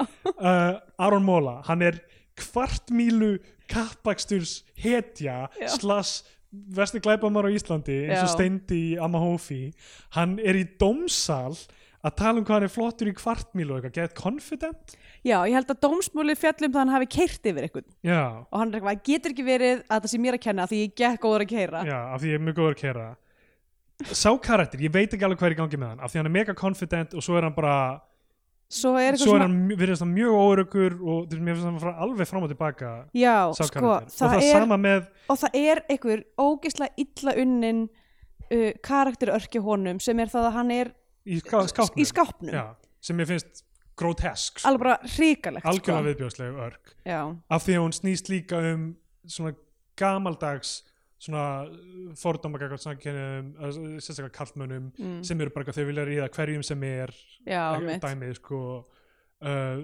og þú veist þegar hann fer með uh, og, og það komi fram með áfengisneisli mm. hann fer með sem sagt hérna honum á bar og reynda mjög fyndið það er eitthvað í þessu hérna, Haukur Valdimar Pálsson sem hefur einmitt sendið okkur í nokkrum af fyrstu þáttum já, myndarinnar uh, dagbækur Eh, sínar það- úr ástarfleginu já, dagbækunar á ástafleginu sem við lásum upp að hluta. Um, hann er við uh, erum alveg hægt að vera með eitthvað svona auka segment. Já, við tölum svo lengi myndin Já, rétt. uh, uh, Hérna, næstu því ég nettið að á Simpsons þetta oh. uh, Haukur sem sagt er í nokkur auka hlutur já, hann er, þarna- hann, hann, er, hann vinnur eitthvað hvort hann, ég man ekki hvað hann gerir fyrir myndina hann, já, hann er held í uh, hann er hérna propmaster held ég. Já, getur verið eitthvað þannig já. Allavega, hann, hérna, hann byrtist þarna sem eitthvað lögumæður maður og hann er líka maður allavega þekkti ég mjög auðveldlega hérna, sk- skuggamyndin á honum þar sem að maður á ekki sjá á honum og maður sér samt bara eitthvað háa og er ok, hann er líka þarna eitthvað, hann poppar um já, En þú veist, Aron Móla er hann á barnum með honum, hann, segir, að- hann byrjar á því að segja að hann vilji misnota þroska heftar konur og uh, já, hann er eitthvað ég, ég er að fara að gera samfélagsstjónstu í staðin fyrir að hérna, afplána dóminn og ég þarf að kenna þroskaskiptum að keira en það er umlætt að því það er engar konur sem Já. ég get riðið. Og Andri svona ko- kollar hann, þú veist, hann svona hvað er að með maður, þú vil klikka þér eitthvað. Mm. Og, hann, og hann segir eitthvað, herrðu þetta er bara, ég, ætti ekki að drekka, ég verð klikkar því ég drekk ok, mér fannst það uh, fyndið. Eða sko bara þessi setning sem er eitthvað svona ég, hann, seg, hann muldrar alltaf við sjálf hann segir eitthvað svona að ég er bara klikkar í glasi. Já, má ekki já. drekka, ég er bara klikkar í glasi. Segir Já. þetta nokkur sinnum, ég held að sé bara því að mér finnst fyndi hvernig Aron segir það. Að því að það er eitthvað, það er eitthvað, eitthvað sannleikskorn í þessu, maður hefur heyrt fólk segja þetta uh, raunverulega. Það er rétt, sko, það er alveg mjög mikið real life dóti í þessu, sko. Um, hérna, ok um, ég að en hérna sko ég skrifaði einu nótu sem er, ég veit ekkert hvernig ég skrifa hana sem var, ég veit ekkert hvað er að gerast lengur. Þetta gæti verið á hvaða staði myndinni já, sem er, hann sem sagt sá mömmu sína drepa sig þegar hann var já, sem er eitthvað svona lítið flashback sem er bara já, eina flashbackið í myndinni. Einmitt, sem er alveg fucked up dæmi. Og uh, Andri segir við ættum að ræna búnaðarbankan sko búnaðarbankin ekki verið til í einhvern svona 16 ár þegar þessi mynd kemur út. Uh, því skæti verið brandari öruglega er þetta brandari. Það er alveg hægt að lesa það þannig. Um, klassist að ræna búnaðarbankan var ekki það sá banki sem flesti voru að ræna þetta í tenn já, þarna á vestugötu og eitthvað. Uh, akkur er búnaðabankin mér finnst það mest eitthvað svona krútulegasti bankin af öllum. Með, með, merkið er eitthvað svona Mm. græn uh, hérna uh, já, eitthvað svona, eitthvað svona bónd bóndi eitthvað sá og akkur Já. og svona. Uh, sko svo sem sagt uh, er, hann, hann, Andri talar hann inn á að drekka eitthvað, jújú, jú, það er ekkert að eða fá sér eitt kaldan. Já, og þeir fara á eitthvað svona Snapchat jam montage. Já, sem er bara svona skitturnar, tvö. Já, það sem hann er að pissa á hann og eitthvað þannig. Já, og uh, svo endar að þannig þeir eru í sko þetta finnst mér af því að sko ég fór að horfa á myndbandið fyrir lagið fullir vasar með Aron Kahn já. sem kemur fram í lokin held ég eða á- þessu montasi það, sko, það kemur út ári á, það kemur út 2017 held ég, eða 2016 eða eitthvað. já já. En já, það, en já, ég nótir þetta líka, þeir eru í sö, sömu svítunni. Og í þessu tónlistamindbandi. Þeir fara sérst á eitthvað að hella fyllir í og það er eitthvað svona running gag í gegnum alla myndina sem er hlutir að fara í andlitið á uh, hérna þessum gæja, hvað heitir hann aftur? Andri And, Andri, já. Það sem á einum tímapunkti Já, þá já, eitthvað já. skvettir Aron Móla uh, kaffibolla á já, hann fyrst þeir hit, hittast hitt fyrst er hittast og svo eitthvað pissar hann í andlita á honum svo e- einhverjum öðrum tímapunkti fær hann eitthvað annað í andlita, hann alltaf að fara að fá eitthvað já, það er hérna að spreyja hann læðist upp að vinni sínum hann í húsasmiðinu hann spreyjar í andlitið hans. Já, emmitt, og það er bróðir hans. Bróðir hans, já, Já. um, já. Ef þetta, 20 sko, ára á milli þeirra eitthvað. sko ef þetta hérna uh, running gag hefði virkað fyrir mig ef að við hefðum séð bara eitthvað, núna er andlut hans brunnið núna er það svona, eitthvað svona, það hefði bara svona já, já, bæst ofan á alltaf. Hann verður alltaf meira fucked up að þessu. Já, en það er bara hver, þú veist, hann brennur ekkert í andlutinu af þessu kaffi og þú veist, þetta spreyjar ekkert fast á honum og væri hægt að endur gera þessa mynd bara með þessu bara eina skrefi til viðbúta sem þarf til þess að sé satíra sko. aktuál satira, já. Ég veit ekki. Um, hérna og það sem hann er virkilega barið niður af þessu öllu en endar ekki moldríkur mm. með dóttur sína sem hann er búin að ræna frá uh, raunverulegu forræðis hafa sko, Já, sem er endurinn á þessari mynd og það er bara, oh shit, það verður erfitt fyrir hann að skipta íslenskum krónum í af því að það er greinlega fjármagshöft en þá í heimi þessari myndar, ég Já. veit það ekki um, Náttúrulega þetta er einhver annar heimur þar sem að fólk hrunið er eiginlega ennþá í gangi hann sko. og þú veist, og fólk test, testar heita potta í búðinni og þú veist, Já. það er, þetta er einhver annar heimur sem að, þetta er einhver hliðaveruleiki Já, um, og uh, þetta endar þetta partí með því gott, er það ekki Aron Móla sem er að totta einhvern gaur þarna, Já, það er eitthvað það er eitthvað svona homabrandari sem er, er oh boy, hvað einmitt, hvað ógeð er þetta basically sko. já, um, og uh, já, svo sjáum við langa sína sem feðgarnir eru að selja bíla bílasölu feðgarnir, já. Hún hefur ekkert með neitt, neina framvindu að gera Nei, bara, það er bara að Latti er að reyna að pranga bíl upp á einhvern einhvern rosa fancy bíl upp á einhvern gaur sem segist að verna á honum. Já, og Hilmisnar er að vera mjög óþægilegur við mjög unga konu. Uh, og það er það. Já, það er það. Um, og svo er, eru þeir saman strákandir að reyna að brainstorma hvað fólk á að hafa með í ránið og þá koma svona flashback eða svona, Já. svona skot af öllum vonda fólkinu sem þau eru að tala um og hvað þau þau gera Já. og hversu þú veist, þessi er núna dauður og svo við sjáum hvernig hann deyr eða eitthvað, við sjáum hérna, eitthvað sigga vondastelpa eða eitthvað, hún er núna sigga góða stelpa hún Já. er á netrú eða eitthvað já, þá er eitthvað sen af henni að þú veist, bara drepa, eða berja einhvern í Berja einhvern, eða já. eitthvað. og uh, um, hérna og uh, svo bara herðu nei nei, bara fáum bróðu minn og, og vin hans já, sem kemur í þannig textanum að, hann, að sá vinur hatar andra. Já, einmitt. Uh, bróðir hans er gett meðvirkur já, og vinur hans hatar hann. Já, þannig ég skil ekki alveg okkur að vera involverið hann vin eitthvað sérstaklega. Síðan setna í myndinu er þetta bara, hei við getum alveg gert þetta bara tveir. Okkur voru eitthvað, og sko síðan líka þú veist, eru þeir eitthvað að reyna að sannfæra þá já. Og þeir eru ekki sannfærðir og svo allt inn eru bara eitthvað, ok, við erum inn. Já, það er mjög skrítið að að sko, hann laumast að hann og fær spreyið framann í sig sko, uh, og af því að hann er fucked up af því og það er verið að bera hann í, burt, í sjúkrabíl í, í, á börum af, Þá- þá- af landsbjörg? Já þá sem sagt getur hann sagt sko, hérna, herðu hann bara, hvað get mætt." ég gert fyrir þig? Eitthvað bara sorry með þetta, og hann bara, herðu, þú verður bara að standa með mér í einu öllu núna. Já, þannig að það er þetta gilt sem hann hefur á Mm. bróður sin þarna. En síðan í þessu ferli það sem hann er að sannfæra bróðurinn, þá hverfur það allt í það var búið að stefla þessu ástæðinu fyrir okkur bróðurinn er með og svo hendar henni bara fyrir eitthvað fyrir eitthvað svona, ó, peningar. Já. já, og bróð, sá bróðir líka virðist ekki átta sig á því þrátt fyrir að það sé margbúið að tala um það hvað þeir eru að fara að gera. Þessi bróðir náttúrulega kannski, nökkufjallar hann á að vera bara ógislega heimskur. Hann er bara einhver kenduga og hann er, ef, að- kannski er það viljandi leikið þannig eða kannski Já, já. kann þessi maður bara ekki að leika minnst það líklega uh, en hann er allavega mjög sannfærandi uh, erhett já. Um, já, hann er eitthvað að reyna að sannfæra þá tóðum að vera með og þeir lappa út og eitthvað. Svo er eitthvað, já, Aron Móla rænir bíl af Arnari Grant. Og Arnar Grant hrópar, veist ekki hver ég er? Og Já. hann keri burt á bílnum. Já, það er, það bílinn sem þið nota síðan í ránið? Ég það ekki ekki, hugmynd en sko. þeir ræna honum löngu áður en ránið er þannig Já, að sko síðan líka út af því að hérna, Latti Arnar Grant segir stöð tvö eitrið áfram að- sko að því að maður Latti er ekki, þú veist, eitthvað svona líkastræktar frumur er það ekki bara nóg eða? Þarf að vera Nei. stanslust branding? Hérna, sko, þegar að Latti er eitthvað svona, s- hótar að drepa hann segir hann eitthvað, þú hefur 70 klukkustundir þrýr dagar. Uh, þetta uh, þú veist, síðan sí, það er alltaf verið að gefa lengri tíma frest það, sko, síðan eru þeir eitthvað að setja saman þetta krú og plana þetta rán og sækja byssur og eitthvað, alls Já. konar. Þetta er eitthvað svona tvær vikur eða eitthvað.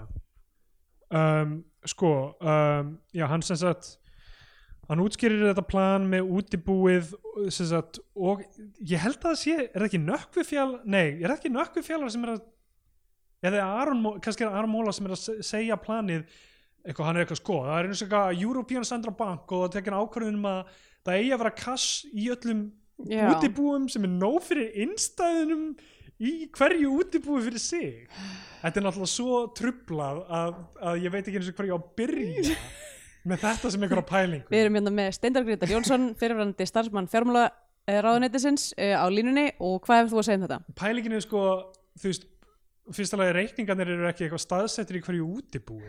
Jú, sorry, bankar virka þannig að þú setur, þú fær með peningin og setur hann inn í Já. uh, þitt útibú og þar er hann í litlu hólfi. Hafa þessi menn aldrei heyrt um fractional reserve banking. Þessi menn þurfa að horfa á kvikmyndina Sidegeist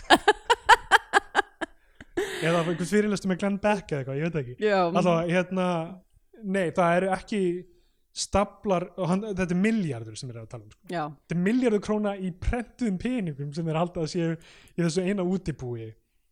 Og hérna og einhvern veginn er þeir vita þeir allt um starfsmenn útibúsins hverju þeir eru, hvernig þeir byrja að modna sína, sem er ekki útskýrt. Það er ekki útskipt af hvað þeir hafa þessar og upplýsingar. það sko, það litla break, black and white breakdown sem er sín sem er eitthvað svona, svona núna erum við komin sko, svona Mission Impossible Já. svona, og Ocean's Eleven, svona, svona ætlum við að fremja ráni nákvæmlega. Sko, hljóð, hljóðvinnslan hljóðvinnslan á því er svo óparlega því það er ekki, það er ekki, það er ekki eitthvað svona það er ekki eitthvað svona nettur bassi eða eitthvað undir heldur bara eitthvað svona, kemur eitthvað svona soundbite og svo bara þú veist, það er ekki einu sinni sko herbyggisljóð þannig að maður heyrir bara eitthvað svona edit puntana þessi mynd er stödd fö come on. Oh, og líka sko, það er mjög fyndið, það er engin payoff af þessu sem þeir eru að tala um. Þeir hitta, ég ekki, jú þeir hitta reyndar þessa útibúskonu já, Uh, en ekki öryggisverðin ekki það þessu skipti máli var til framkvæmdu þeir basically fara inn í bankan á endanum og eru bara komið með peningara opnuðu kvelvinguna og þetta bankar er náttúrulega fáránlega illa skipulegt og einhvern veginn þeir rífa sér, þeir byrja að kalla hvernig með nöfnum rífa sér grímunar, Já. klassist dæmi. Það er aldrei neitt payoff á því. Nei, uh, en ok, uh, það gerist ekki strax því að sko, fyrst kemur montage við uh, hvað er sér lagi Stick 'em Up? Já, þar sem þeir eru bara eitthvað þeir eru að skjóta úr byssum í því montasi. Já. þeir eru að skjóta fullt úr byssum. Í tveimur senum setna þá eru þeir að reyna að kaupa byssur. Já, sem, sem okkur vantar byssur fyrir þetta. Þeir fara í einhvern bílakjallara og hitta það fyrir hérna, hvað er hann, Sveit sko fyrst, ok, áður en það gerist þá fara þeir í Vodafone af því að auðvitað þarf Vodafone að vera með byrtingu, byrtingamyndarna í þessu. Helga Braga er þar og þeir rífast við hana og uh, af því að þeir eru að reyna að kaupa burner phones já, og það geta það ekki. Þarna kemur Vodafone allavega þokkalega vel út úr þessu uh, ég veit það ekki. Um, og uh, svo er eitthvað dæmið sem Aron Móla er alltaf að panta pítsur af því hann er skotin í einhverjum pítsusendli og Já. það er ekkert payoff á því og á það er þessum bara, á þessum 70 klukkustundum eru þeir búin að panta svona 40 pítsur. Já, það er bara að finna hann er samkynniður og, já, þú veist, einmitt, og skotin í einhverjum pítsasendli uh, og um, svo fara þeir sem sagt í hérna bílakjallara. Já. uh, og það er Sveinn Ólafur Gunnarsson leikari sem er uh, vinu, uh, sonur vinkonu mömmu já, Arnars en honum er illa við uh, hérna nökkafjala karakterinn af einhverjum ástæðum. Nei, hann, ég held að honum sé illa við uh, Arnar. En þess vegna segir hann sko eitthvað hann segir ekki til Já. nafnsins, hann segir bara eitthvað já, ég er sonur en af hennar. hverju er hann illa við hann ef hann veit ekki hvernig hann lítur út? Já, hann segir bara eitthvað svona, já, ég frétti nú að hann hefði verið með allt um sig og hérna, eitthvað, verið með eitthvað trampolín fyrirtæki og eitthvað, já. veist, hann basically er, já, er En- að segja að hann líki illa við, já, en af hverju er nökkafjalar að fela sig í bílnum og panikar þá? Uh, ég er mjög ringlaður með Já, það saman. Af því hann vill ekki koma út það hangir ekkert saman í þessari mynd, ég veit ekki eitthvað, uh, en sem sagt þeir eru með byssur þarna er að fara að kaupa þær og uh, þátt fyrir að hafa verið með byssur fyrr já, og hann sem sagt skýtur af byssunni eða er eitthvað svona að sína þeim skýtur á byssunni nokkvafjallar bregður í bílnum hann keirir á vegg já, og það er eitthvað panik þar sem þeir flýja. Þannig að hvernig fá þeir byssur? uh, nei þeir held ég enda að kaupa þessa byssur frá þeim, þetta er eitthvað, þetta, var- Já, þær átti, þetta átti bara að vera eitthvað fyndið, bara vandræðilegt já, eitthvað. svona, hei, getur við eðalagt hennar bíl, þeir fara að hitta Hilmisnægi á bar. Já. og uh, það er rosa eitthvað löng sena þar sem sko það, það er engin sérstök ástæð fyrir það til að hitta ég. Jú, sko, það sem að gerist er að nökkufélagar keirir á uh, hérna uh, vegg og er síðan bara eitthvað svona fríkar út þegar hann er eitthvað byssur, er eitthvað að gera þetta út þú ert alltaf að ljúa, þú ert bara þú, allt sem þú ert að segja okkur er örgulega lígi já, já, þú veist, allt sem þú þykist vitum hennan banka Já, og ok. hvað og þá er hann eitthvað, herru, ég skal, við skulum bara fara og ég skal bara, ég skal bara sína ykkur hvað er fæðisar upplýsingar. Og fer þá á þann þetta flöskubor þar sem að er þessi pælingin Hilmisnæri að allt þetta sé komið frá Hilmisnæri frá Hilmisnæ, af því að Hilmisnæ er eitthvað svona asshole sem segir bara hluti, þú hann er, veist, hann, er hist bara og her. hann er bara svona að hafa gaman af því að fokka upp lífinu hans án þess að þú veist, sko af hverju vill ok, þetta er skrítið sko. Þú veist, Hilmisnæri er bara svona fraternæðis að geta mikið með þessum gaur, Arnari. Já, og segja honum einhver random hluti um einhverja banka. Já. en augljóslega vill hann ekki að bankin sé rændur af því að það sem hann segir í þessu samtali er að allir peningarnir inni eru í eigu uh, latta, eru í eigu pappa hans og þeirra, þetta er allt þeirra viðskiptaveldi sem einhvern veginn tekst að vera svart þarna inni og ekki tryggt er, bankanum. kannski er búnaðabóngin bara eitthvað code word fyrir einhverja, einhverja svona eitthvað sem lítur út fyrir að vera banki en er bara í eigu latta og helmisnæs og er s- mannað af fólki sem er að koma inn að þykjast taka út peninga en er actually bara eitthvað svona kvelving af, af því að sko, þeir, hann segir sko, sem er alltaf algjörð bull peningarnir eru ekki tryggðir af því þetta eru illafengni peningar samt eru þeir einhvern veginn í banka en þeir eru ekki ekki í bókunum já, þeir eru ekki í bókunum, þeir eru ekki tryggðir af bankanum sem líklega er tryggður fyrir því þegar hann er rændur og svo eru þeir náttúrulega svo er náttúrulega einhver svona innstæðutrygging ég veit ekki hversu mikið hún er yfir svona hluti hún er náttúrulega yfir, yfir bankahrun meira og fallbanka mm. sem ég held að ef miljardur ok, miljardur er ekki nóg til að setja banka á hliðina en það, ég myndi það myndi vera ákveðið sjokk held ég á alltaf traust almennings á þeim banka ef það hverfur miljardur í kast. Ég bara næ ekki hvað geimið þess hilmisnæðis er í þessu. Ég held að Hilmisnær eigi sko bara vera fávita sonurinn sem að talar af sér. Hann er ekki þú veist, að því að síðan, að því að síðan er hann eitthvað svona setna í myndinni, eitthvað að taka við einhverju, einhverju dópsmigli og er bara handtíkin eitthvað dúbidú og er eitthvað svona, Já. æjæ, hvað, nú, nú maður bara, æjæ, herðu, jæja. Einmitt. Uh, og sem sagt hann, hann þessi setni helmingur náttúrulega nær engri átt. Og þeir sem sagt uh, ætla að bakka út strákanir tveir í hérna húsasmiðustrákanir já, þeir eru bara eitthvað, heyrðu nei, ég ætla ekki að ræna banka hérna gula bílasala Já. klikka. Bara það er suicide þeir fara út að borða. Randomly eru þeir í á sama stað og Latti sem Já. að deyta Þórunni Antoníu já, sem er held ég ekki með línu. Nei, hún er bara eitthvað svona að sleik eitthvað rör allan tíman annað stöð tvö fyrirbæri. Oh, uh, sko Latti kallar þá yfir á borðið, einhvern veginn veit hann að þeir er alltaf að reyna bankan sem hlýtur á því að Hilmistæðir hafi Já. sagt, herðu, ég held að þeir sé að fara að ræna þig að þeir eru furðulega áhuga á þessum banka. Ást, á, ég held að ástæðan fyrir þeir taka Hilmistæði á eintalir að þeir vilja vita hvernig á að þú peninga. Og það, veist þannig að hann segir örgulega Latta, herðu, þeir ætla að ræna banka þig. Já, og sko hann segir eitthvað herðu hérna nei þú veist ekki gera það. Ég á allt og í stjórnallu og ég er flottastur skilur, Já. ég hef alla þræðis í þjóðfélagi. Það einhvern veginn fyrir í taugarnar á Agli Plóter hans karakter er náttúrulega hvað er í gangi með hans karakter? hann á að vera eitthvað svona snjallar en allir að hafa aðrir. Já, og vera með eitthvað, hann á að vera góði sölumadurinn og Mhm. með eitthvað plan hafa eitthvað bara svona. gaman með fólki kaupa kút og bjóða flottasta liðinu vinnu sínum. Sölkusól, við tölum náttúrulega aldrei um hennar senu. Nei, mitt sem er fáránleg. Hún vinnur með þeim í húsmiðunni og það er er, einhver löng sena sem er að ræða um hvort Bubbi eða Bó er betri og það hefur ekki með neitt að gera en á að vera að fyndið skilur aftur stöð 2 það er að tala um fabrikuna. Hambúrgarafabrikuna þetta er Aftur. allt fokking eitthvað eitruð keðja af einhverjum í gegnum þessa mynd. Oh. og svo er hún svo setna í myndin er hún eitthvað að reyna að selja uh, hérna Herbalife. Já. Hún er beislega eitthvað svona það er allir með einhver þessari Ég- það, þess vegna ég- þetta, þetta hlýtur að vera inside job. Anton Sigursson er að taka peningana þeirra og skýta vandlutina á þeim. Ég, Það- ég verð að fá að trúi þú verður að gefa mér þetta. Það er, það er það sem hann er búin að vera að gera með allar þessar myndir er bara taka pening frá einhvern weirdo sem vilja eiga alltaf mikið pening og vilja fjármæna kvikmiðir og henda þeim í bara eitthvað rugg einhverja bara sjanræfingar og eitthvað kjaftaði ég verð að fá að trúa þessu. Núna er það komin inn undir hjá senu einhvern veginn að gera tvær myndir sem sena borgar að mín fyrir. hangir á þessu. Sena er bara eitthvað, já, grimt flott, flott mynd, bara gerum þessa mynd.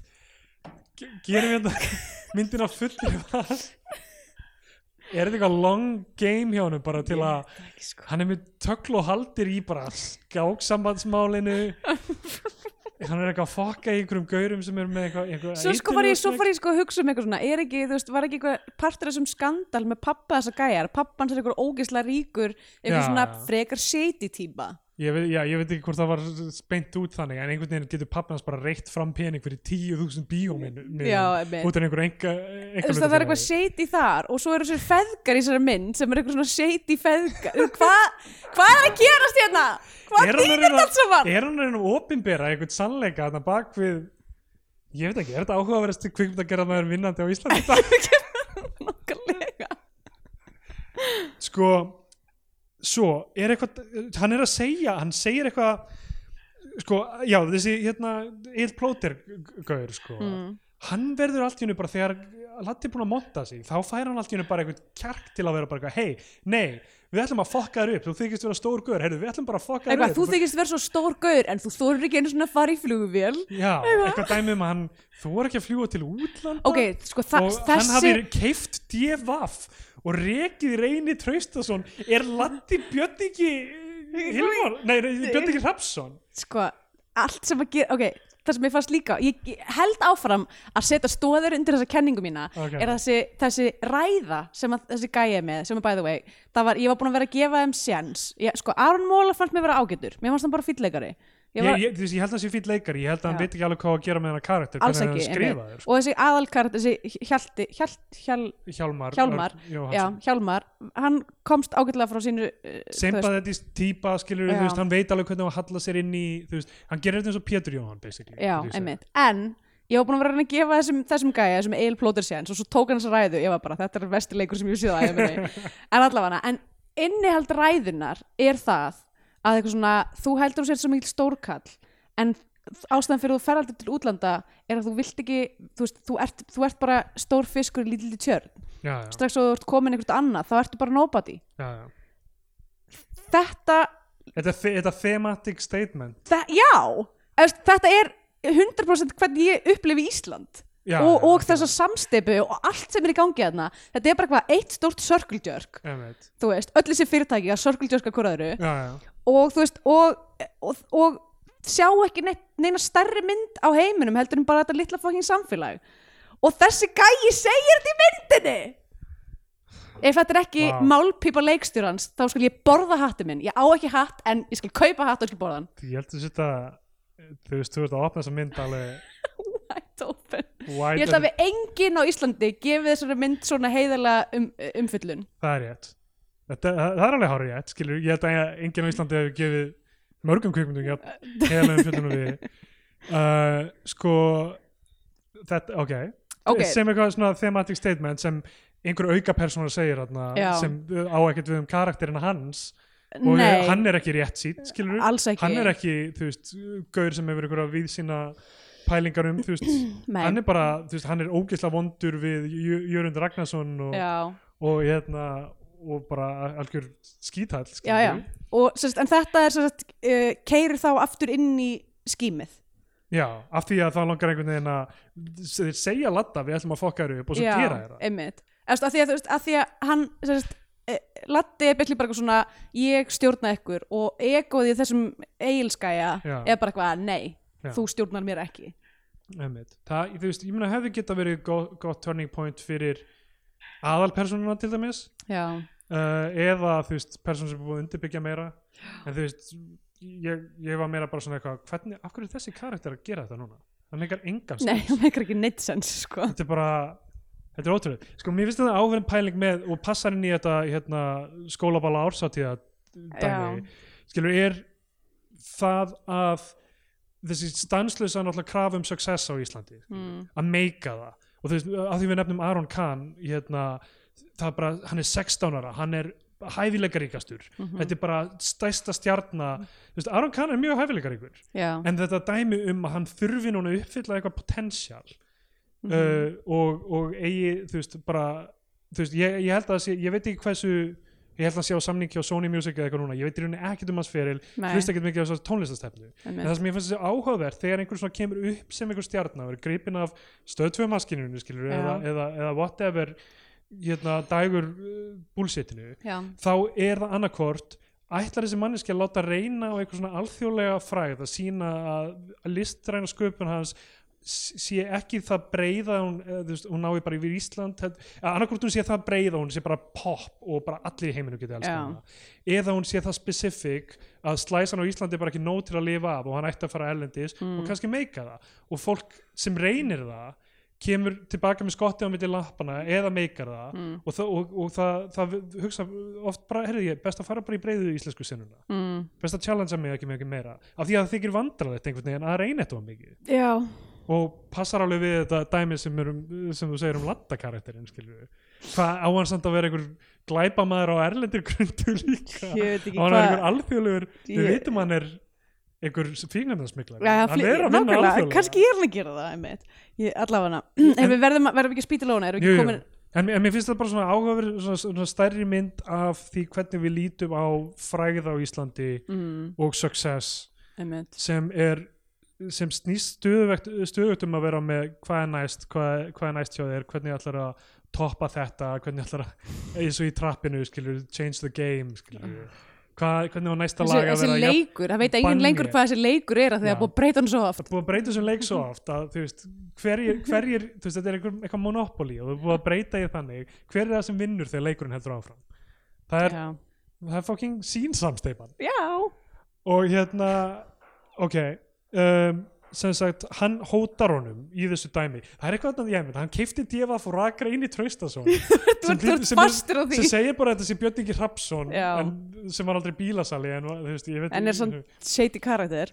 Hérna, hann hótar honum bara eitthvað, herru við ætlum að fokka þér upp. Þá kemur Latti og kvísl hvað ætlar þú að gera í því? Eitthvað, Latti lappar til hans kvíslar einhverju aðurum og það renna á hann tvær grímur. Já, þannig að af hverju vill hann þá að það sem hann segir við hann þarna er basically einhver svona svo hræðileg hótun. Já. hann segist líka að Latti veit allt, hann veit hverju fóreldrar þeir eru, hann veit hver einasta mannski er. Hann Já. getur farið og drepið mömmu þeirra þess vegna, og hann, kvíslar einhverju að honum. Sem að við fáum síðan aldrei að vita hvað er. það er ekkert payoff á því. Nei, en við sjáum Egil Plóter bara eitthvað, fuck. Já. en þú veist, af hverju vill hann þá gera þetta? Eftir og þá mæta þér aftur. Ég, ekki gott að segja að því að, að því að síðan í millitíðinni á meðan að þeir voru átt þetta, þetta hot moment þar sem þeir voru eitthvað við erum hættir við, við ætlum ekki að taka, það, taka þátt að þá fara uh, það fara þeir tveir þarna, Arnmóla og, Já. og hérna uh, þarna, Arnar Gæinn já, uh, fara og snitsja þetta dópsmikl til löggunar og uh, hérna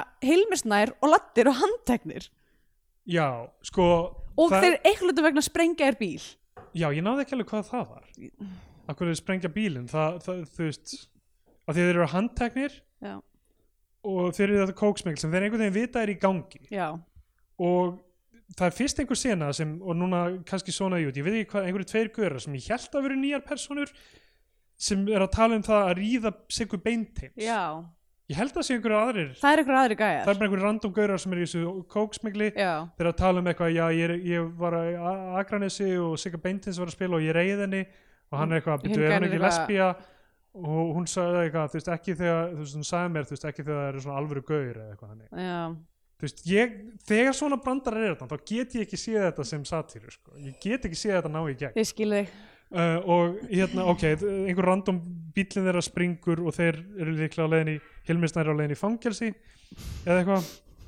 Um, svo bara er eins og það hafi ekki gerst og þeir sinni er bara ekki Já. fóksi En svo þú veist, húsasmiðjan þau fara aftur að vinna í húsasmiðjunni. Já, og Salka reynir að sennlega um Herbalife og allt í henni þeir eru aftur, aftur til í þetta. Ég veit ekki hvort það var eitthvað í þeirri senu á að snúa þeim aftur eða hver í gangi. Uh, ég skil þetta ekki, allavega, þeir fara í bankan með grímur og þannig gerist þeir með einhverja svona kjánalega grímur þeir fara í bankan, við vorum búin að tala um hvernig það var. Það er að þeir keira burt hratt og illa, það er eitthvað svona vita ekki hvað sæti þeir eiga að setjast. Já, mitt uh, og það er geðveikt langt uh, eitthvað car chase þar sem að það er eitthvað í jeppar að elda þá. Já, það Carchase algjörlega lukkar eins og shit það er alv, alveg það minnir mig á uh, mynd sem ég gerði í MR ársatíðamynd sem hér Tortímandinn og uh, var hérna uh, fyndir á köflum annað sem ég vil bara ekki að fólk muni ekki. eftir skilur. Af því að ég var eitthvað 17 ára eða eitthvað. Já.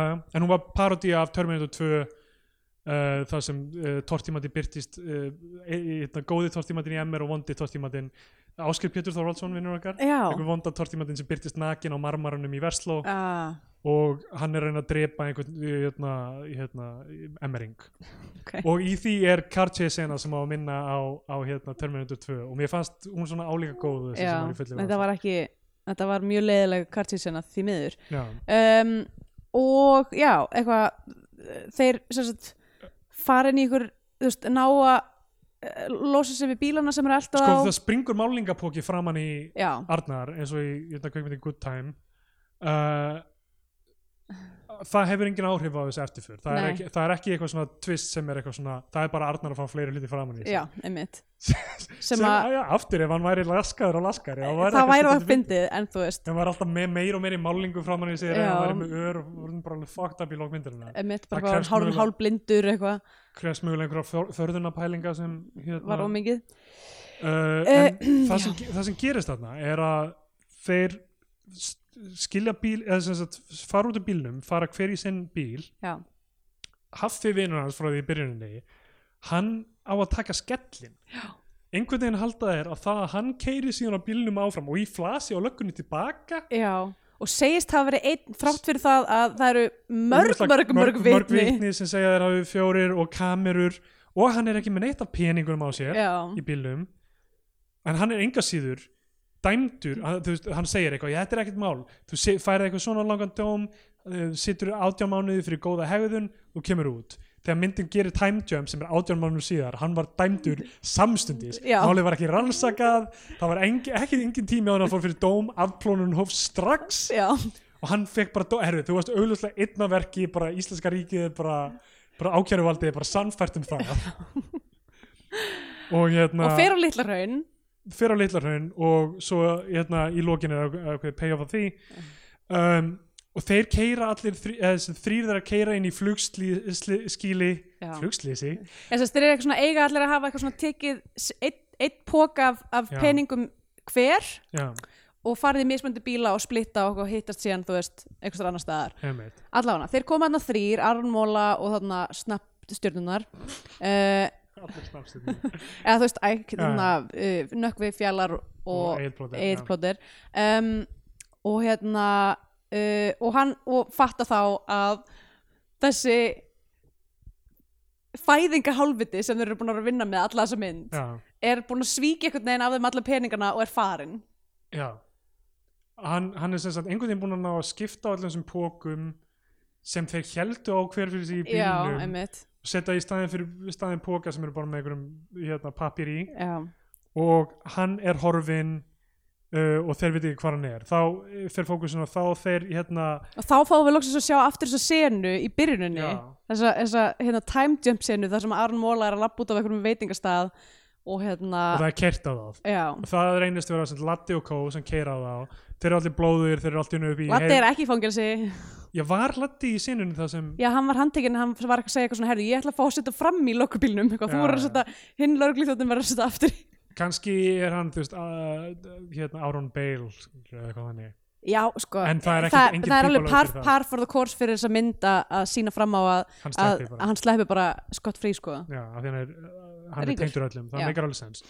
En hann uh, en þ- já, það gerist bara aftur er þetta 70 tíma rammin þá er ótrúlegt. þetta eiginlega meikar þetta engan sens. Engan hann sé sens. bara komin út, búin að keira á það bara strax eftir á, fara með upp í heiðmörk ta- og það sem er allir blóður hann gefur þeim enn 24 tíma til að rætta pí hvað er í gangi með þessa tímafresti hans hún finnst bara gaman að sjá hlutinu að spilast út. ótrúleg þólimæði hjá þessum gauðir bara þið verða að rætta peningnum aftur þið verða að finna andra tór máli með tór er, uh, hann elskar Björgólf tór það er ekkert sérst að payoff á því. Ég, ég var vissum að Björgólf tór myndi koma eins og hérna, hérna uh, steinda Já. sem voru fyrir hann við Þorsta hei já, þú varst hluti af hérna, stöðvar 2 hérna, ég ég tók pening frá þeim ég verða, ég, veist, ég verða, það er bara eitthvað sem ég þarf að lifa með ég, vann, ég vann fyrir fréttablaði þegar var hluti af 365 skilur.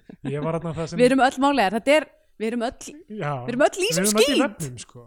Ég man þegar var, var dag, daglegar fréttir í blaðinu um hérna um að það var ekki hægt að flytja fréttir af bauksmálinu og hérna daglegar fréttir um að það væri ekki hægt að skrifa fréttir. Já því að það var eitthvað hérna lögbán að banna og eitthvað Já. svona. uh, sem reyndar áhugavert sko að skoða í einhverju sögulegu samingi um, af því að þá var náttúrulega þurfti að færa þá frétt, flytja þá frétt í hverju blaði af því að Jón Ásker átti blaði já, ólíkt því kannski stundinni þegar var lögbann þá var þú veist eitt blað sem var hefðu við fengum okkur lögbann sem var ekki minnst þú veist þannig séð.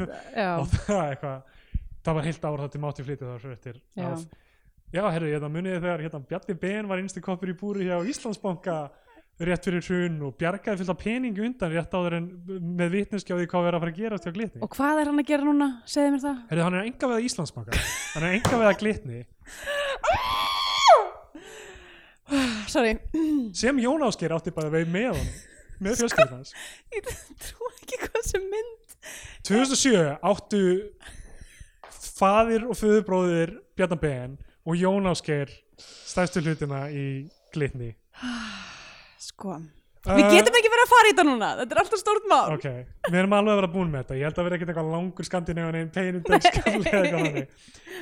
þetta er áhugavert. Þeir, hérna, þeir reyna að komast að því hvað hann er en það sem ke- kemur ljós er að Arnar Tór er á Ibiza með dóttur sinni inn á hótelherbyggi með fullt af póka, fullt af póka peningum hann er búin að Mhm. ræna henni frá móðurinnar sem er að fríka út já, og þetta er rannsakað sem bartsrán og hérna, það er samt ekki beint er, snert á fra, því er sko. ekki framsalsanningur frá, frá Spáni Spáni, jú, Já. 100% skilur. Þú veist, það eru stopnarnir innan Evropasamhansins sem vinna að samanleiri rannsókn meira svo svona mála yfir landamæri hvort hann getur skipt öllum þessum pe- íslensku krónum seðlum í öfrur er ekki eitthvað stóratriði í, nei, í þessu, veist, þessu samengi það eru örgulega smá þú veist, þú getur ekki gengið kannski inn í hvaða banka í Bísa nei, en ég vissum að þú getur fundið út úr þessu. Já. Um, í Bísa líka fundið. Uh, uh, hann allavega hérna áttu að sjá því hversu mikið vesen þetta er hann getur ekki nota peningana. Um, svo sjáum við vin hans koma úr fangelsinu átjum mánuðum setna og er reyna að ná í hann eða, eða hann er Já. að ringja, herru ég held þú ætlaðir að sækja mig í fangelsið. Herru, ég labba bara á móti þér. Þeir hafa augljóslega ekki talast við í átján mánuði. Já. Af því að uh, hann er búin að vera á felum í Bísa Einmitt. frá réttvísinni með dóttur sinni sem hann má ekki vera með. Þá er myndin búin. Já, það er bara síðasta senan. Við veitum ekki hvað gerist fyrir þessar þrjá gæja. Nei, þeir vantanlega eru það er á lífi af latta já, mitt og eru bara einhverjum steipugrunni uh, við veitum ekki hvað verður um þú veist aðalsögu persóna á Ibiza þú veist, einu sem við veitum er bara hann er bara þar Ég meina, ég, líklega er hann bara living it up með dóttur sinni, þú veist, að vera allan peningin. sko, og já Eða byrja að, þú veist, það hefði verið hægt að sína hann skama fólk á Ibiza og reyna það og kannski mistakast af því að hann er ekki lengur hluti af íslenska þjóðfélaginu sem hefur verið að Mhm. uh, tegja Hann í háði. já Það er ekki gert. Sko, og þannig myndin búin Ok, þetta, ég veist Ég, ok, skellum okkur Ok, ég meina Mér finnst þetta vera Við eigum eftir að tala um það sem við ætlum að gera í næstu viku og frá það. Oh my god, við erum ekki eins og búin að tala um uh, uh, Februar Kormákur Andra vil breyta nafninu á Baltasar februar í februar Kormakur sem er fínt, það er fínt. Við eigum eftir tvær erlendar Baltasars myndir í fyrra tókum við fjórar þeirra. Já, Við eigum eftir sem við getum vonandi nálgast Inhale og Adrift já, sem er mjög fyndið hvað þeir eru líka titlar já, og við ætlum að taka dagskára myndirnar tvær, Voxni Mennesker og Good Heart. Í setni hluta mánaðins Já, Og þá breytist uh, Þá þurfum við að breyta tillirum í eitthvað Kormakur Kári eða hvað ég þetta aftur? Slowblow, var það ekki hljómsið Slowblow Snow Month? Februar kári? Nei, ég veit ekki. Uh, Allavana Við getum sagt þættinir okkar byrtast á sunnudögum, það er bara sunnudagur Kári í Sunn- februar uh, Já, ok, allavana whatever, þetta er býði spennt Já, þetta er sérst framöndan hjá okkur. Allavana, Scandinavian Pain. Við erum alltaf að tala um mjög að ég myndi segja með heiðarlegri uh, speilmyndum íslensk samfélags sem ég hef séð.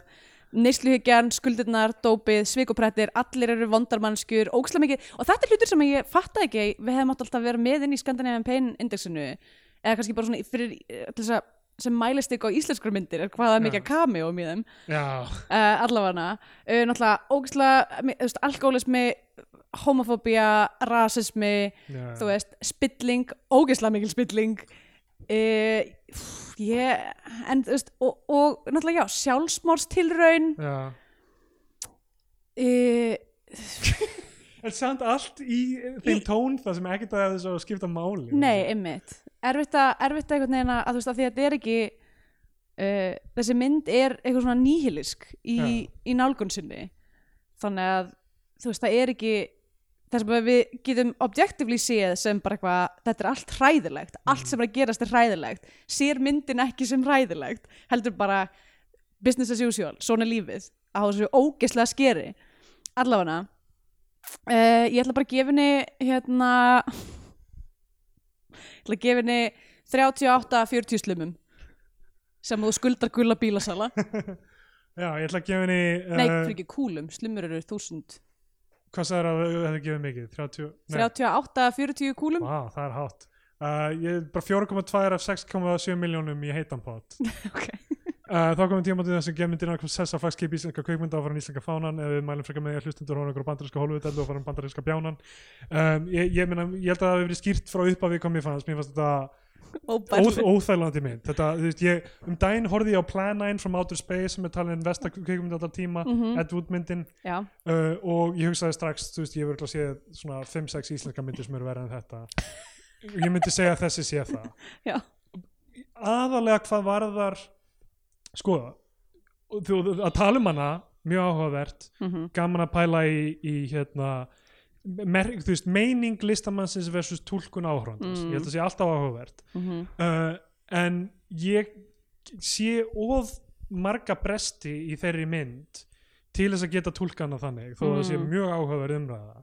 Af því að ég tel mig líka bara þekkja fólkið sem finnst þetta fyndið þetta er fólkið sem horfir að fullt af dóti í, í þessari eitur samstöpu og ég er búin að tala um stöð 2 þetta dreifir sig út um allt þjóðfélagi Mm. þetta eitrar entertainment á Íslandi sem Já. snýst bara um fjör og þá er ekki verið að pæla um merkinguna bak við hlutina það Nei, er bara hvernig er hægt að vera obnoxious og stór og yfirþyrmandi í rauninni. Mhm. það er húmórin sem lendir hjá rosalega mörgum og það er meira svona pff, þetta er nú með- alveg rugglaðir þessi. þetta er eins og Djöfull eru hérna þetta er eins og hérna onion fyrirsögnin eitthvað, this man is completely wrong but he's very loud so who can tell? Já, í rauninni. En þú veist, þetta er eh, tegund af húmór sem maður sér, þetta er bandarískur húmór líka í rosalega mörgu það sem uh, bandarækjumenn eru betri kannski ekki betri en eru meðvitaðri um story structure í Hollywood-vélinni Mhm. þannig að í þeim myndum er alltaf eitthvað moment í lokin það sem aðalpersonan er eitthvað svona eitthvað, ó, kannski hefði ég ekki átt að ég er búin að skada þá sem eru næst mér skilur það, það er eitthvað moment, eitthvað svona minni háttar twist til þess að þú veist, fólk samþykki Já, já. hafa ekki sama endin á henni eitthvað þannig. En hérna fáum við bara sama endin án þess. Mm. og frá hjá manni sem er búin að ræna dóttur sinni og er þú veist búin að vera algjört svín í gegnum alla myndina og er ekki gaur sem á að vinna í þessum heimi. Hann á að tapa í þessum er- heimi. það er útgangspunkturinn sem að þú veist, þess vegna en ekki þessi gaur af því þetta er gaurinn sem er alltaf að plana eitthvað kjaftaði og fettur gaurinn sem vinna eru latti það er það sem myndin held ég er að segja. Það eru gaurinn sem er búin að tróða sér svo mikið inn í vef samfélagsins mm, að það, það er ómögulegt að ná þeim niður af því að það er svo margir falla niður með honum. Mm, Arnar Tór er einn, hann er einn, hann rænir dóttur sinni, hann á enga vini, hann svíkur vini sinni, hann er ekki með neitt. Ógeðslega þjóðfélagi á ekki við um hann af því hann er einleikar í þessu, hann er ekki að braska með fólkinu, hann Mm. svíkur alltaf og fer þannig að ég get ekki tekið það frá þessari mynd. Þó þetta sé mjög áhugaverðum ræða þá var ég allan tíman bara að mér bauð við hverju ömulega ljóta skotinu og skrýtnu klippingunni já, og furðulega struktúrnum það sem actual þú veist aksjónið byrjar ekki fyrir en þú veist, eitthvað típan fyrir færtugustu mínútu eða eitthvað Nei, hvernig ræna klukkutíma, bankan. Skilur, ég skil alveg að annar þáttur getur verið þeir að skipuleika bankan allavega miðpunkturinn á að vera bankan þeir ræna bankan sem klæmaksið, eh, það sem brýtur okkur inn í þördakt í rauninni Mhm. sem er bara, hefur núna er momentið það sem hérna byrjar að þrengja sem verst að þeim mhm, uh, og Arnar þarf aldrei að þóla neitt aðalpersonum í þessu af því hann Nei. bara fa- fer og sleppur í Já. þördættinni bara, þú veist, mér, bara hrildi í mér reglulega og þetta flóð af cameo og þessi Já. byrtingamynd áhugaverið lestur hjá þér en mér finnst þetta að vera dæmi um bara fucking hérna kvika silfrið sem flýtur um æðar Íslands og þetta, víðar þetta, þetta uh, closet vats, þessi closet vats drópi sem, Já. að- og ástöðuna fyrir að ég sem er í okkur öll, all, all, allra æðum þetta er fucking closet vatnið sem er smá saman að fucking þú byrjar að finna eitthvað sár á vörinni og, og þú kaupir þér eitthvað til að laga það. Og eitthvað sem sástu auglýsingu milli eh, eitthvað fucking idol þátt að skilur já, entertainment uh, sem hérna eitthvað svona ástæða fyrir listsköpun.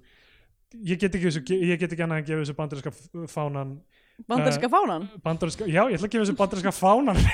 Nei, bandarinska fjánan whatever, þó ég sé mjög áhuga samur um að fólk taki, horfi á þetta með þetta í, í huga sem Já. þú segir.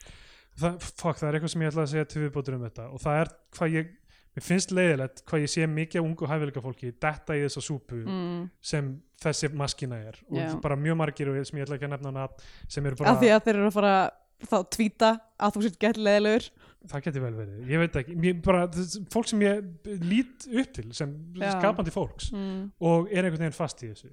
Og og þess vegna fagnaði ég því þó þeir séu fyrirvændi starfsmenn 365 að þeir stopni eitthvað sem heitir sósélistaflokkurinn vildi að það væri ekki hann sem væri yfir honum en þú veist, það er alltaf komin einhver umræðum róttæka vinstristefnu á Íslandi sem hefur ekki verið já, síðan einhverjum svona hot moment eftir hrun. Já. Eitthvað fucking fólk kvísla millið sín í búsahaldabildingur eða eitthvað. Herðu, ímynda þér, Ímyndaðu annan heim. Ef þetta væri ekki bara um það hvernig hérna lánin og hvernig við þurfum að geta fá, fengið einhverja neyslu gegnum lántöku aftur einmitt. heldur hvernig við væri raunverulega að breyta þessu þjóðfélagi.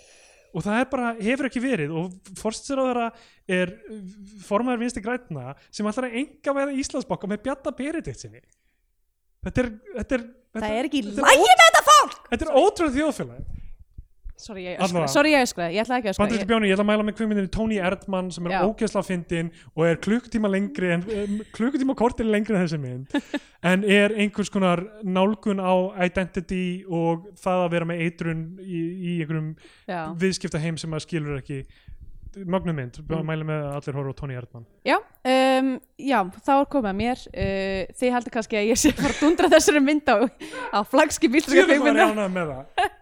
Alls ekki, þetta var náttúrulega óbærileg mynd.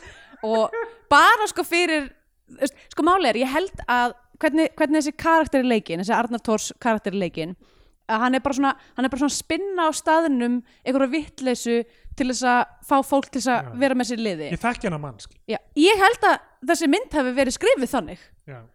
bara eitthvað svona, búm, og svo eitthvað, þeir halda þessi búin að rána pengunum ha, búm, uh, nei uh, töskunir eru tómar, hvar er Arnar? Hann er komið til Íbísa með dóttur sinni. Erum við, erum við, ekki, erum við ekki á sæm blessu hérna? Já. strákar, ha, þú veist, svona var þetta gert. Ég, setupið sko sem er ólétta konan sem slær hann af því að hann er svo mikil eitur þú veist, þegar hún er að skamma hann fyrir fram að kenna hann Já. og hann er bara eitthvað rólegar stelpur eitthvað. Já. hann sleppur búin að ræna dóttur sinni bara, já, nei, nei þetta er náttúrulega, veist, mér finnst þetta mjög áhugavert og ég reyndi að horfa á svo mynd með þau í huga ég var bara svona, vá, hvað hún er þú veist, hún, ef maður ætlar að lesa hana þannig, þá er hún sko ekki pulling punches, hún er neðst, ekki fyrir ekki, hún er ekki, hún er ekki að halda aftur á sér, hún er alveg svona að fara alla leið í bara, hvað þetta er alltaf ógislegt, ef hún er meint þannig, en þú veist kannski er þetta eitthvað svona savant masterpiece. Þú veist það sem að, þú veist, þetta er bara svona óvart var þetta til eins og þetta var? Það þarf einhver bara að radikalæsa Anton sko, eða ekki, leifunum að halda honum að gera þetta óvart. Já, nákvæmlega, hvað næst? Sjálfstæðsflokkurinn, ég bara Faðir gera eitthvað svona Anton- bíómynd um sjálfstæðsflokkin Anton er alltaf bara með formaður sjálfstæðisflokksins eða oh eitthvað. god, hann er alltaf að sjá um að enga við að hérna, fucking banka allavega, nei, nei, hún fyrir augljóslega á, uh, fær bandarska bjónum frá mér uh, en en þetta var áhugavert. Fuck, en hún er ógislega illa gerð, hún er illa skrifuð uh, þú veist, hún er algjörlega fucking lúkar eins og shit þessi mynd sko. hún lí- lítur rosalega illa út. Um, öll grafíkin í henni er náttúrulega bara eins og hún hafi verið þú veist, keift á Fiverr. Um, já, það er ekki mikið, mikið meira að segja um þetta nema bara hérna eins og svo aft áður uh, þetta er óslegt þjóðfélag um, og já. Já, Já. Ég, ég, altså, ég held ætlar að ég, mæ mæla með ykkur já, ætla ég að mæla með einhverju. Mm, nei, ég ætla að mæla með því ég ætla bara að og mæla, horfa á þessa mynd með þessum hugafæri ætla bara að mæla með því Ég geti örgulega leikt á einhverju fucking voddi eða einhverju kjaftaði Já, nákvæmlega Þegar þið sitja þarna geta kaftu upp með flugurnar upp í sófa skiluru að fór heimska skiluru þá getur bara klikka og eitt taka. Þið fáið fucking eitrið beint í æði gegnum fucking au aulaskjáin imbakassan. Bakassa Já, hérna uh, Ég elska að horfa á sjónarvarp skilurðu. Ég elska fucking kartöfluflugur. Já, me too Það verður Hérna- allt saman þá til í sósælastríkinu Ég segi það, fólk þarf að átta sig á því að ka rifflaðar kartöfluflugur verða ennþá til í sósílísku ríki. Bara riflar Bara balsametik og salt. Já. og það er st- staðlaðar st stöðlu staðlar rifflum allar, uniform rifflur á kartöfluflugunum og það er bara gott. Fuck, þetta er leiðin til að fá Gunnar Smára til að tala með það þátt, segja eitthvað rangt um sósialisma Allavega, uh, hérna bara takk fyrir að hlusta á þennan ógeðslega langa þátt Já, og bara þetta er búið að vera mjög gaman að tala um þessa mynd og, og ég elska að, að fara yfir svona dæmi þú einmitt veist, af því að þú veist fucking, þetta er svo fucking áhugavert af því að þetta, þetta endur speklar listamannin oft svo mikið Já. kannski, þú veist, Það er fólk fucking sem- skeri að búa til lista því að maður er alltaf að sína maður eitthvað er á alltaf sjálfum sér showing your whole ass maður er bara skilur. eitthvað að sína closet vatnið Já. sem rennur um æðarmanns já, já. um, Já, já, bara takk fyrir þetta og uh, sjáumst fersk ekki fylgja okkur á í, uh, Facebook af því að það er fucking hluti af eiturmaskinunni. Já, uh, þannig að bara fucking farið út í glugga og æpið á okkur sem er að lappa framhjá Hei, ertu bara- ertu að hlusta á Bíotvíó? þetta er call to action. Eða bara hlaupa út að næsta glugga og öskra þetta er ógslegt þjóðfélag á okkur konum með barnavagn bara eins og styrmir súpandi appelsínu sitt. Já, súpandi appelsinn sitt. Að tala um stóru svikin uh, já, og við sjáumst bara þá í februar Kormakur slas sunnudagur Kári og góða nótt og sofið rótt og nei, nei, nei, hver ertu? Hættu, farðu! Nei!